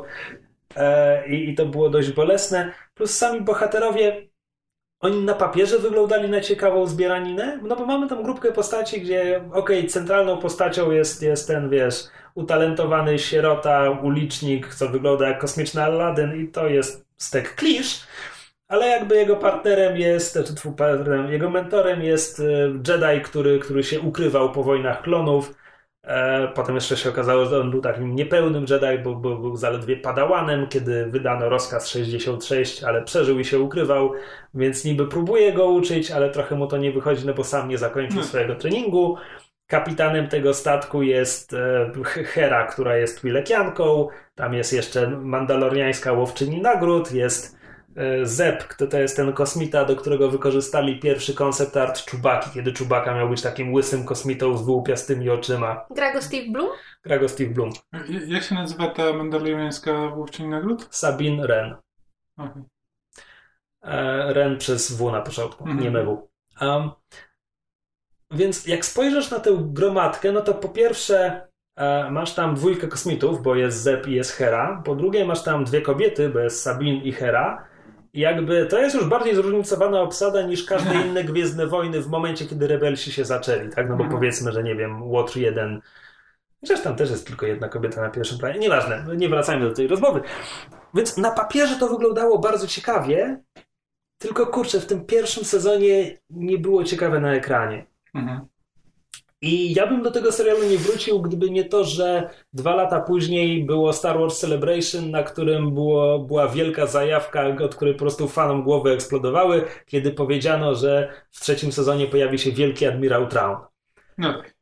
A ponieważ, a ponieważ Dziedzic Imperium był pierwszymi Gwiezdnymi Wojnami, z którymi miałem kontakt, bo przeczytałem go zanim obejrzałem hmm. filmy, no to mnie złapali na ten haczyk. E, więc wróciłem tam na wyrywki, nadrobiłem pie, resztę pierwszego i cały drugi sezon, znaczy nie cały, bo na wyrywki. Pomijałem odcinki, które brzmiały jak filery. E... No, to pamiętam z Twoich omówień, że Traun był zasadniczo w, tym serialu geniuszem, dlatego że wszyscy pozostali byli e, ogłupieni. Ty, tak, ale ostatecznie ujmę to, nie mam problemu z tym, jak przedstawiono Trauna. Mhm. Ja miałem o tym wpis na fanpage'u, jakby Timothy Zahn pisał te powieści, tam jest taka sytuacja, że re rebelianci wygrali. Nowa Republika jest dominującą siłą w galaktyce, więc Traun jest tym małym insektem, który ich podgryza. I wtedy jest łatwo pokazać, że ktoś jest geniuszem, mhm. bo po prostu no, wystrychnął na dudka przeważające siły. To jest łatwe do napisania, łatwo to wymyślić. Tutaj mamy odwrotną sytuację. Traun je, kieruje imperium, które jest tym molochem i jest podgryzany przez tych małych spryciarzy, więc tak naprawdę nie ma jak pokazać, gdyby on miał być takim geniuszem jak w książkach, to serial by się skończył w jego pierwszym odcinku. A to też jest niemożliwe, w związku z czym trzeba było pokazać, że Traun jest kompetentny, ale jakby przegrywa, e, przegrywa, no bo tamci, bo na przykład jego podwładni są niekompetentni, tak? No to wtedy można uznać, że okej, okay, chciał dobrze, ale nie wyszło, bo miał frajerów za tak. Zresztą nie zawsze przegrywał. Jakby finał trzeciego sezonu to jest chyba mój ulubiony moment całego serialu, bo tam rebelianci szykują się do wielkiej ofensywy i Traun atakuje ich pierwszy. I happy end w ogromnym cudzysłowie dla tego, dla tego e, sezonu jest taki, że pierwszoplanowi bohaterowie uciekają. Mhm. Wszystkie, jakby oni i paru statystów i generał Dodona, który im się zaplątał na pokład, a flota, którą zebrali i siły, które zebrali, nie ma. Nie ma tego. Widzę, że Ryan Johnson się zapatrzył. E... A, ten Ryan Johnson. Nie wiem, może. E, w każdym razie tak, więc, więc wróciłem do serialu, który w pewnym momencie się niebywale poprawił. Gdzieś w mhm. drugim sezonie. Kiedy mówiłem, że jakby na początku to wyglądało ciekawie na papierze, gdzieś w drugim momencie to zaczęło być tak ciekawe na ekranie. Mhm. I jasne, tam do samego końca imperialni są zbyt głupi, ale też jak spojrzymy na nich w filmach, umówmy się, no jest w powrocie Jedi scena, w której Han Solo klepie szturmowca w ramię i ten się obraca w złą stronę, a potem zaczyna za nim gonić. No, mhm. Są rzeczy, od których się nie ucieknie, bo one są wdrukowane w Gwiezdne Wojny w oryginalnej trylogii, no i po prostu ktoś się tego no, trzyma. Tak, no, banda, banda misiów za, niszczy siły imperialne, no to tak. jakby tak, to jest wpisane. Pewna kreskówkowość nawet, no, nawet jeśli są aktorzy. Więc ostatecznie strasznie się cieszę, że wróciłem do tych rebeliantów. Skok jakościowy między pierwszym a, a drugim i dalszymi sezonami jest kosmiczny. E, I szczerze polecam. I tak jak wcześniej mówiłem, że polecam, żeby oglądać tak jak ja na wyrywki, tak kiedy tutaj w finale serialu wraca ta obsada drugoplanowa, to ja czuję, że coś tracę, bo olewałem odcinki z nimi. Więc może, może jednak popełniłem błąd. A warto, warto się tym serialem zainteresować. Bo jakby Gwiezdne Wojny, w tym momencie Gwiezdne Wojny są w tak dobrym stanie, w jakim nie były od, no. chcę powiedzieć, końca, tfu, początku lat 80. Bo naprawdę jakby znaczy, w tym momencie, jeśli ktoś mi powie, że wszystkie nowe kinowe Gwiezdne Wojny to syf, no to uznam, że po prostu jest przepełniony złą wolą, bo epizod siódmy, ósmy i Water 1, każdy jeden jest tak odmiennym filmem od pozostałych dwóch, że jeśli wszystkie trzy się nie podobają, to problem jest z tobą, a nie z tymi wojnami. A... I rebelianci też się ładnie, ładnie wpisują w ten, w ten krajobraz. Oferują coś mhm. trochę odmiennego od reszty mhm. i na swój sposób bardzo dobrego. Hmm.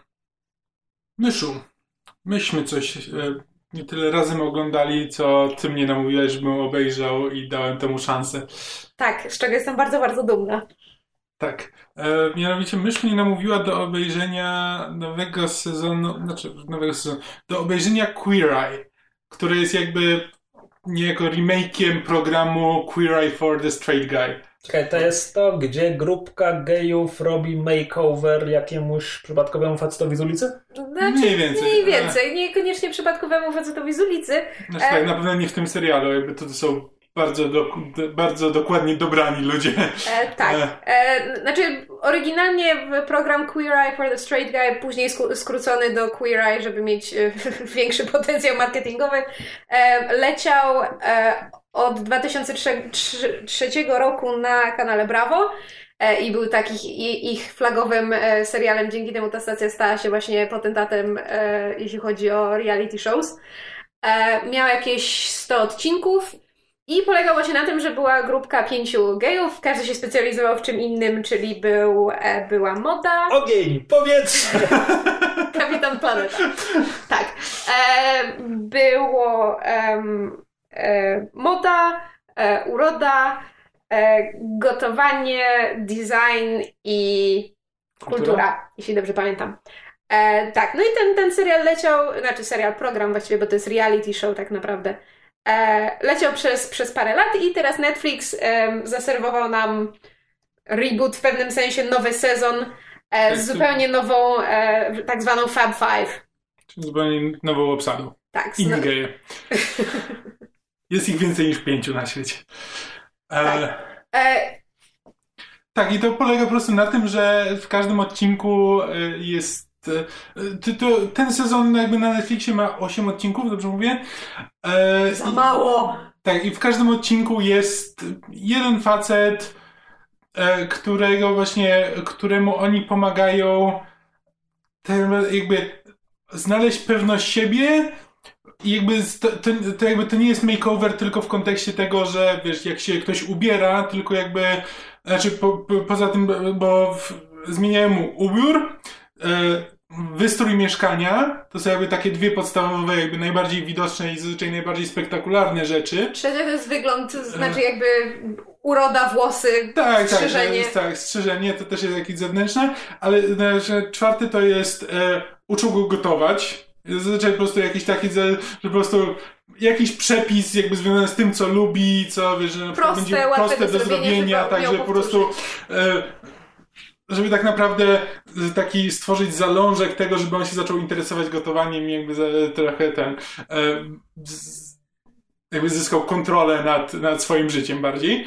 E, I jakby kultura to jest tak, to, jest najbardziej takie miękkie i nie, e, nie, do, nie do określenia, bo to potrafi być to, że e, facet go po prostu zabiera, zabiera kogoś do parku linowego, żeby, żeby skonfrontował swój strach, a po prostu a potrafi mu jakby albo zrobić mu album rodzinny, takie bardzo, bardzo dziwne rzeczy, które po prostu mają mu uświadomić trochę, co jest jakby, że bierze to, co jest dla niego ważne i próbuje mu jakby to jakby pokazać w jakimś trochę innym kontekście, e, tak żeby tak żeby jakby zmienić postrzeganie tego, e, tego jak się widział do tej pory, e, jak, jakby jak się widział w oczach innych, a jak powinien tak naprawdę funkcjonować.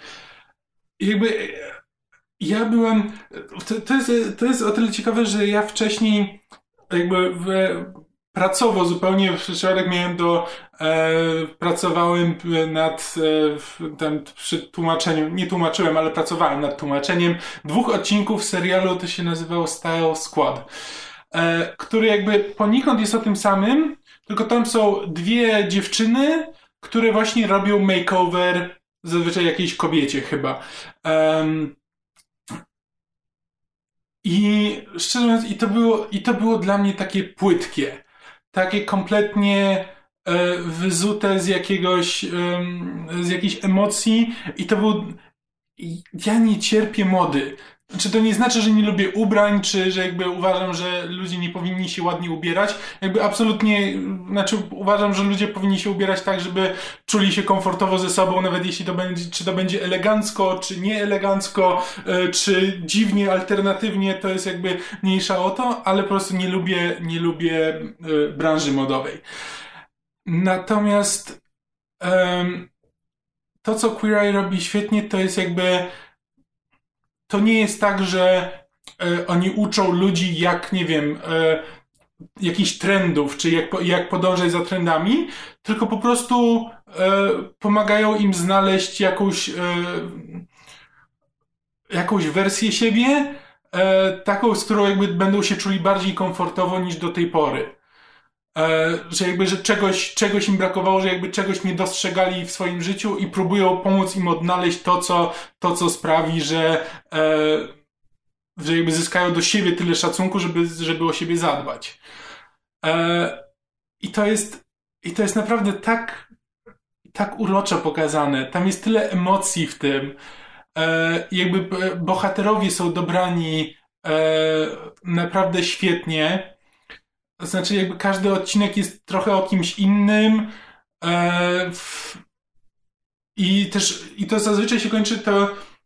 To ma taką ko bardzo konkretną budowę. Znaczy, oni przyjeżdżają, pierwszy segment to patrzą na jego życie i jakby patrzą, jak wyglądało do tej pory jego znaczy, życie. Tak, zazwyczaj to wygląda tak, że zaskakują go w jakimś miejscu publicznym albo w domu, robią mu nalot, mniej lub bardziej e, intensywny i pełen entuzjazmu, no i właśnie wywracają życie do góry nogami pod tytułem e, nawiedzają mieszkanie, wywlekają rzeczy z szafy, otwierają wszystkie szafki w kuchni, sprawdzają lodówkę, e, rozmawiają z nim, czasami z członkami rodziny czy z bliskimi, żeby się dowiedzieć czegoś więcej i jakby they get a feel for the guy. Tak. E, I jakby jak już trochę się zaczynają o nim, do, do, e, jak się o nim trochę dowiadują i jakby orientują się, z czym ma największy problem, to wtedy próbują właśnie znaleźć jakiś sposób, żeby mu w tym pomóc. I to właśnie jest zarówno jakby w kontekście ubioru, jak i e, różnych dziwnych, dziwnych rzeczy. I jakby drugi segment to jest właśnie po kolei co mu robią, że tam zaczyna się jakieś tam zmiany, u, zmiany ubioru, potem, nie wiem, lekcja tańca albo tego typu rzeczy, potem pokazują mu jego nowe mieszkanie, czy po remoncie, czy nie to nowe mieszkanie, ale to samo mieszkanie, ale już po remoncie i tak dalej, i tak dalej. I trzeci segment to jest zawsze jakieś ważne wydarzenie w życiu tego człowieka, do którego e, jakby to wszystko prowadzi. E, I to już się dzieje jakby bez ich udziału. Oni to tylko oglądają na ekranie, na ekranie telewizora i patrzą właśnie i ta osoba musi sama na przykład wybrać strój, który, w którym pójdzie na to, na to ubranie, ale to jest jakby mniejsza i potem patrzą, że właściwie jak, e, jak sobie radzi, czy jest właśnie, czy jest pewniejszy siebie, jak rozmawia teraz z ludźmi. E, t... Przypominają mi się programy dokumentalne o zwierzątkach, które oglądałem, gdzie mamy, gdzie kamera śledzi zwierzę, które dorastało w niewoli i zostało wypuszczone na wolność i wow. tam, ci opiekunowie, nie wiem, przebierali się za kondora, podając mu jedzenie, żeby jakby nie skojarzyło ludzi i w ogóle, żeby mogło sobie poradzić w liczy, no ale potem nie są pewni, czy, czy, czy zrobiliśmy wystarczająco wiele, czy on przeżyje. Czy wyfrunie z tego tak, gniazda, tak? tak? tak. To jest trochę tak. Znaczy, I to w ogóle, jeśli chodzi o reality showy, to zauważyłem tego prawidłowość, ponieważ właśnie ostatnio do w ramach obowiązków Półtora miesiąca spędzamy tak, tak różne reality tak, show. Tak, pojedyncze odcinki różnych reality show. O Boże. E, to się jakby zorientowałem, że potrafię je docenić pod warunkiem, że nie próbują e, za bardzo podbudować dram dramatyzmu sytuacji. E, jakby to, co mnie najbardziej do tej pory wzruszyło, to są wszystkie te programy, które pokazują dosyć normalne wydarzenia, dosyć normalnych ludzi i nie silą się na to, żeby pokazać, o mój Boże, a co teraz? Cliffhanger, zobaczymy po przerwie, czy udało się zrobić to i tamto. Ugryz go pająk, tak. czy umrze? O mój Boże, czy on umrze, czy mu się uda, czy ten. E, autentycznie e, znaczy, to mogę, mogę powiedzieć przy okazji o innym serialu, e, bo w, dostałem jeden odcinek serialu, który nazywa się 24 Hours in A&E. Czyli 24 godziny na izbie przyjęć. To się po prostu chyba nazywa izba przyjęć po polsku, ale e, tak dosłownie. I to jakby polega na tym, że po prostu pokazują ci e, różne przypadki ludzi, którzy w ciągu 24 godzin trafili do szpitala tam St. George's w Londynie. I na przykład w odcinku jakby byłem przekonany, jak to brałem, że okej, okay, to teraz będą wypadki, ludzie poszkodowani, czy przeżyje, czy ten, czy umrze, czy lekarzom uda się odratować, czy mu amputują nogę. Ale nie, w tym odcinku tak naprawdę dosyć szybko się okazuje, że wszystkim osobom, które do tej pory pokazali, w sumie to nic nie grozi. E, w sumie to jakby ten, no tam ktoś tam był w wypadku, ale, e, ale nie, wszystko jest, zrobiliśmy skan, wszystko jest w porządku. E, tam jest ten, jest jedna historia starszego mężczyzny, który tam spadł, czy tam przewrócił się, i następnego dnia mieszkał samemu, następnego dnia dopiero jakby przyszli do niego sąsiedzi przed wyjazdem swoim, e, żeby, żeby go odwiedzić, żeby sprawdzić, czy mu niczego nie brakuje, bo będą wyjeżdżali i się zorientowali, że ma na twarzy tak po prostu wielkiego siniaka pod, e, pod oboma oczami, więc zabrali go do szpitala, żeby sprawdzić, czy nic się nie stało. No i tam i dosyć szybko się okazuje, że nie, w sumie nic się nie stało, to się wszystko, to się wszystko zagoi. I potem jest segment, w którym e, ten mężczyzna opowiada o, e, opowiada o swojej zmarłej żonie.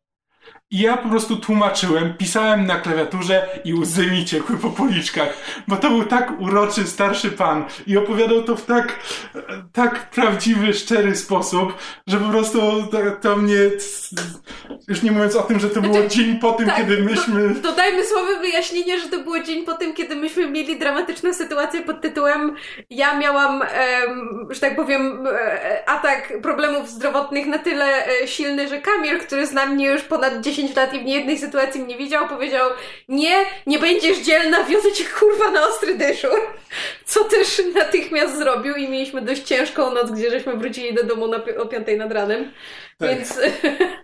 Tak, ale właśnie, ale potem, ale potem robiłem też inne seriale i jakby za każdym razem, kiedy serial próbował mi, wiesz, narrator się na przykład odzywał i próbował mi objaśnić powagę sytuacji, ja się natychmiast wyłączałem. Mm. E, a kiedy tylko to są jakby takie prawdziwe, proste historie, w których stawka nie jest wcale taka wysoka, e, to natychmiast to gdzieś trafia, porusza jakąś stronę. I to jakby ten Queer Eye to jest mniej więcej to podobne, że znaczy... nie mamy jakichś bardzo wysokich stawek, jakby mamy tak? Bo wspomniałeś o czymś, a ja bym chciała coś dodać, tylko że ja w ramach tych samych obowiązków służbowych miałam dwa różne rodzaje seriali czy programów e, na temat sukien ślubnych. Mhm. Bo miałam odcinki programu Say Yes to the Dress, E, czyli po prostu to jest chyba salon sukni ślubnych, gdzie właśnie są takie segmenty pod tytułem e, Nie, druhny się nie zgadzają na tę sukienkę, matka się nie zgadza na tę sukienkę, o mój Boże, nic nie znajdziemy. I to skonfrontowałam w pewnym momencie z programem, który się nazywa Curvy Brides Boutique który polega na tym, że są dwie bardzo miłe, e, nieco przytuszy panie w Wielkiej Brytanii, które wspólnie założyły butik właśnie dla kobiet, które e, noszą nieco większe rozmiary niż te, które przewidują projektanci sukni ślubnych i one, prawda, pomagają tym dziewczynom znaleźć suknię. I to jest program, który polega tylko i wyłącznie na tym, żeby tym biednym dziewczynom, które chodzą do normalnych salonów sukien ślubnych i słyszą, że są za grube i nic na nie nie ma i w ogóle jak ty śmiesz y, tłusta beko myśleć, że będziesz wyglądała na swoim ślubie jak księżniczka. Ten program służy temu, żeby im pokazać, ej dziewczyny, jesteście piękne, możecie wyglądać jak księżniczki, każda, każdej z nas się to należy. I to jest po prostu feel good show. I dla mnie to jest różnic, rozróżnienie pomiędzy programami reality. Są te, które próbują sztucznie budować dramatyzm i żerować na, na taniej sensacji, a są te, które tylko i wyłącznie polegają na tym, żeby pokazać życie w miarę normalnych ludzi i, i właśnie temu, jak sobie radzą z właściwie zupełnie codziennymi problemami. I dla mnie mhm. Queer Eye się w to wpasowuje. Tak.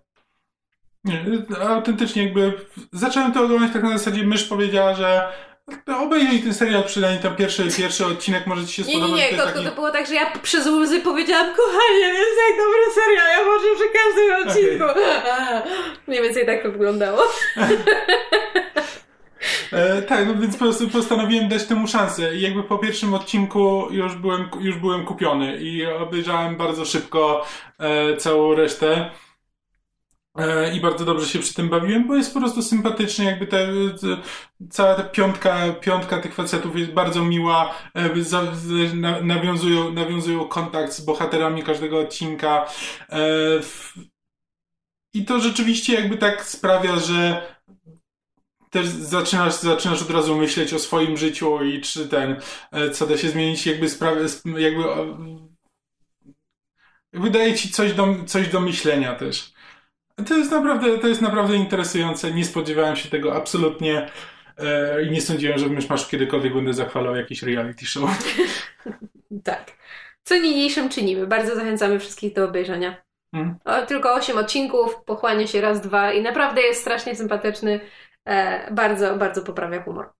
Dobrze, to skoro mówiliśmy y, o tanim dramatyzmie, to ja wrócę trochę do tego, ponieważ y, w ramach odskoczni od programów reality i najwyraźniej szukania sensacji postanowiłam zacząć program, który w sumie się na tym skupia. To znaczy y, nowy serial twórcy Ryana Murphy'ego Brada Falczuka i Tima Minira. Twórcy Ryana Murphy'ego. Kto stworzył Ryana Twór... Murphy'ego? Twórcy przecinek Ryana Murphy'ego. Twórców właściwie. Ryana Murphy'ego, Brada Falczuka i Tima, e, on jest chyba Minir? Minor? Nie wiem. E, e, odpowiedzialny... ten, który z Widonem robił Angela i inne takie? Bardzo możliwe. I Firefly. No właśnie. E, w każdym razie to są twórcy odpowiedzialni za American Horror Story, American Crime Story i Feud, czyli... Czy jeszcze raz się nazywa? Team, to jest Team Miner? Mi, Minear się pisze. Ale Team. Tak, Nie, team. to jest ten od Firefly. A, widzisz. E, no w każdym razie serial się nazywa 911, czyli jak numer alarmowy e, w Stanach Zjednoczonych, znany właściwie ze wszystkich dzieł popkultury, bo no tak. e, bardzo często się go podaje. Mój ulubiony żart a propos e, 911 to jest, nie wiem czy wiecie, w w Herkulesie jest w pewnym momencie scena pod tytułem Zadzwoń pod ten um, ten IXII, czyli jeden, znaczy ten kreska X, jeden, nieważne, to had to be there. Tak. tak. Ryan Murphy wygląda jak londyński chuligan. Tak. No. Po prostu tak mu krzywo z mordy patrzy, jakby, jakby występował w porachunkach albo gdzie, gdzieś indziej. U Gaja Właśnie, dokładnie. Tak, tak. A to jest trochę antypatyczną postacią, tak jak po prostu tak jak się patrzy na niego i go słucha. E... Tak, co nie zmienia faktu, że jest bardzo sprawnym twórcą. E, chociaż niektórzy twierdzą, że ciąży na nim e, klątwa trzech sezonów. To znaczy, jego seriale są dobre do trzeciego sezonu, a potem już nie. Ale moim zdaniem American Horror Story temu przeczy. Natomiast 911 jest jego nowym dziełem. Jest to e, procedural drama, który jak tytuł może sugerować, skupia się na tak zwanych first responders, czyli jak to się po polsku nazywa? Ratownicy medyczni? Znaczy jakby w ogóle siły, rat... znaczy siły ratunkowe, służby ratunkowe. O, to jest to słowo, którego szukałam. E, czyli um, straż pożarna, policja e, i medycy. Tak, pogotowie. E, ale przede wszystkim jedną z głównych bohaterek, graną przez Connie Britton, znaną z e, właśnie American Horror Story czy Friday Night Lights, e, jest um, 911 Operator, czyli telefonistka z właśnie z numeru alarmowego, tak, z centrali. Co jest bardzo fajne, bo jakby takich postaci się praktycznie nie widuje i muszę powiedzieć, że jej punkt widzenia, jeśli chodzi o całe, całe serial, który do tej pory miał wypuszczonych 8 odcinków, które wszystkie obejrzałam, E, jej punkt widzenia jest dla mnie najciekawszy, bo jakby jedną z pierwszych rzeczy, którą się dowiadujemy od niej w, w ramach e, narracji z zaofu jest to, że jakby ona jest w dziwnej sytuacji, dlatego że ona jest jakby pierwszą osobą, z którą ludzie, którym coś się stało, się kontaktują. I ona się nigdy praktycznie nie dowiaduje, co się stało dalej, bo ona wzywa służby ratunkowe i potem zazwyczaj ta osoba się rozłącza. Albo po prostu telefon jej wypada z ręki i ona tylko słyszy dźwięki tła i na przykład słyszy, że karetka przyjeżdża i że go ratują i że robią mu sztuczne oddychanie, a potem odjeżdżają i ona jakby nie wie nigdy, co się z nimi dzieje. Natomiast ona jest dość zaangażowana emocjonalnie w swoją pracę, mimo że tam musi mieć jakieś, um, jakiś dystans do tego, no bo jednak ona tam mówi, że w ciągu dnia pracy, który chyba trwa 10 godzin, odbiera ponad 200 telefonów od ludzi, mm. e, którzy dzwonią na E, na telefon alarmowy, co jest niesamowitą jakby liczbą e, tragedii, z którymi się człowiek musiałby stykać na co dzień. E, a mimo to ona pozostaje dość emocjonalnie zaangażowana w, w swoją pracę i nie powiedziałabym, że ma jakiś taki kompleks bohatera, ale widać, że bardzo docenia, kiedy, kiedy ludzie jej na przykład dziękują i, i, i że, że, prawda, że na przykład, że, że przy nich była, znaczy, że z nimi rozmawiała przez telefon, póki nie przyjechało pogotowie, albo że um, wyszła poza swoje obowiązki, bo potem jak skończyła z nimi rozmawiać, to na przykład, nie wiem, zadzwoniła do rodziny, żeby uprzedzić, że coś się stało. Jakby widać, że ona robi to z jakby z pasji brzmi trochę dziwnie w kontekście, e, ale jest po prostu zaangażowana w swoją pracę, to nie jest tylko, nie jest tylko wyrobnikiem. E, pozostałymi bohaterami jest głównie ekipa e, strażaków. Cała akcja dzieje się w Los Angeles. I jednym z e, kapitana e, grupy strażaków gra Peter Krause, czyli um, on był Nate z Six Feet Under. A. Główny bohater e, z Six Feet Under. I mamy właśnie pana kapitana, który ukrywa przed swoimi podwładnymi tragedię ze swojej przeszłości. Mamy młodego, dopiero, że tak powiem, zaczynającego swoją strażacką karierę chłopaka, którego ksywka jest Buck.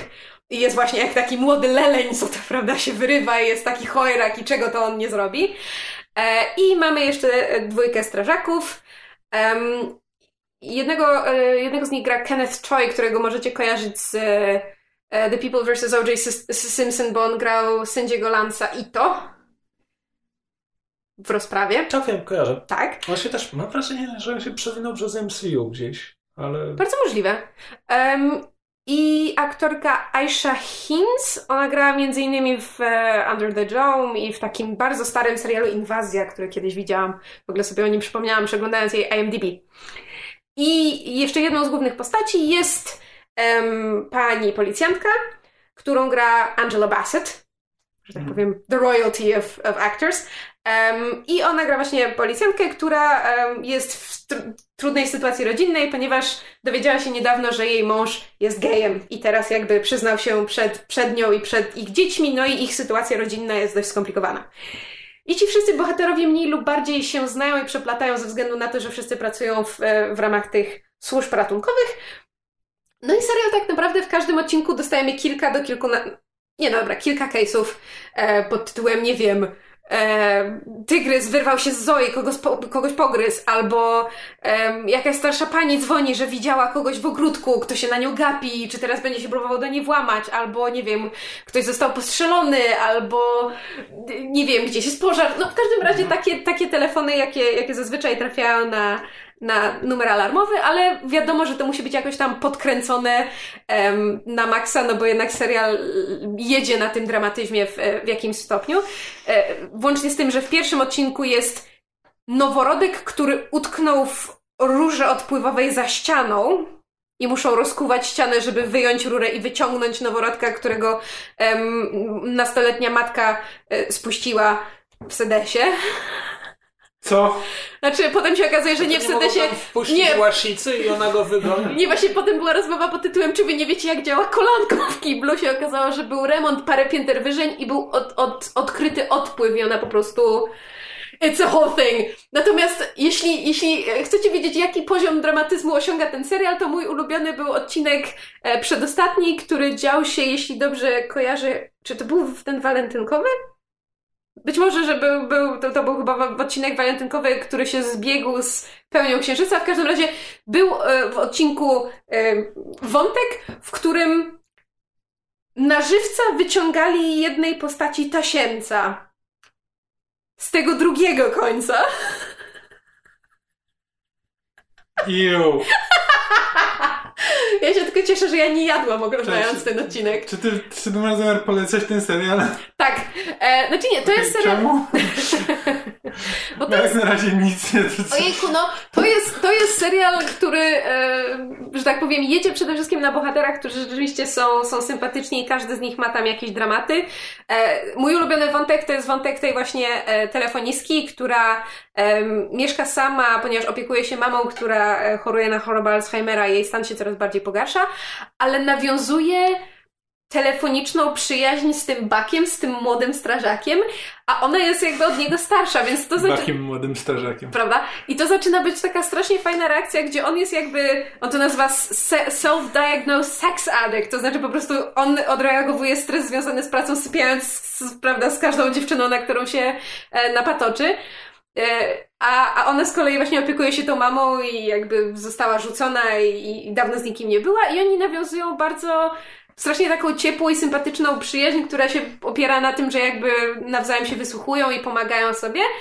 A potem to się zaczyna powoli przeradzać w coś więcej i mimo wszystko rzadko się widuje, mam wrażenie, w taki autentycznie ciepły, jakby nieoceniający, w- sumie w dość subtelny sposób poprowadzoną relację starszej kobiety i młodszego faceta, gdzie to nie jest właśnie um. Nie, nie ma po polsku słowa sen sensationalize. Nie, nie ma. No w każdym razie nie jest, nie ma, nie, nie ma budowanego tego właśnie takiego sztucznego e, dramatyzmu. I mówmy się, to jest definicja serialu jakby guilty pleasure, bo ten, t- t- jak, jak, jak jest dramatycznie, to jest tak super hiperdramatycznie, jak ma być tragedia, to jest super tragicznie, jeżeli ma być szaleństwo, to jest super, super szalone. To jest dość kampowy serial mimo wszystko, ale jakby to też wynika ze, z, z, twórców, którzy naturalnie skłaniają się w, w takich kierunkach, mam wrażenie, we wszystkich swoich produkcjach, to znaczy ten, to nigdy nie są serie, seriale hiperrealistyczne, tam zawsze jest jakiś taki element em, przesady. I mi się to po prostu dobrze ogląda, to jest porządnie zrealizowane właśnie procedural drama z fajnymi bohaterami, z bardzo dobrymi aktorami, którzy e, dźwigają te role i jakby właśnie mimo tej pewnej przesady traktują swoje, swoje postaci poważnie i podchodzą do tego z, z sercem. Co ja mogę? No Ryan Murphy po prostu umie tworzyć oglądalne seriale. Jak długo 911 będzie oglądany? Nie wiem, ale prawdopodobnie dooglądam cały, cały pierwszy sezon, jak, jak będzie stopniowo wychodził, bo mimo wszystko mam wrażenie, że rzadko udaje mi się znaleźć serial, zwłaszcza taki w okolicach medycznych, który byłby nie zbaczałby naturalnie w stronę Grey's Anatomy, a właśnie trzymałby się bardziej ram tego, czym na początku był ostry dyżur. Zresztą Grey's Anatomy na początku bardzo przypominało ostry dyżur, a potem jakby poszło w stronę tego takiego już... Ach, nie mogę. No, w każdym razie 911, jeżeli ktoś lubi właśnie seriale typu Ostry Dyżur, typu The Night Shift, o którym też się chyba kiedyś wypowiadałam w, e, w podcaście, to 911 mogę polecić, jakby jest tutaj trochę szersza pula, no bo właśnie mamy, te różne służby porządkowe, ten wątek tej telefonistki jest naprawdę fajny i strasznie mi się podoba, że w ogóle mamy taką postać e, w serialu, bo to jest jakby, to nie jest zawód, o którym się dużo mówi, a, a myślę, że ciekawie jest to obserwować, więc guilty pleasure, jakbyście szukali, to polecam. A gdyby ktoś się zastanawiał, czy miałem rację, to owszem, miałem rację. Kenneth Choi grał w Kapitanie Ameryce i Spider-Man Homecoming. A widzisz. To chyba wszystko, co mamy w tym tygodniu. Tak. Jak mówiłam, w kolejnym odcinku wrócimy do klubu filmowego Myszmasza. Będziemy omawiać film Uncertainty. Zachęcamy do obejrzenia. A może nie? Kto wie? Wow. E, zachęcamy do obejrzenia, żebyście e, mogli e, ewentualnie potem podyskutować z nami, gdybyście się z nami nie zgadzali. I to tyle. Dziękujemy za uwagę. Możecie nas jak zwykle znaleźć e, w internetach, na przykład na naszym fanpage'u na Facebooku, Myszmasz Podcast Popkulturalny. Możecie nas znaleźć także na naszej stronie myszmasz.pl.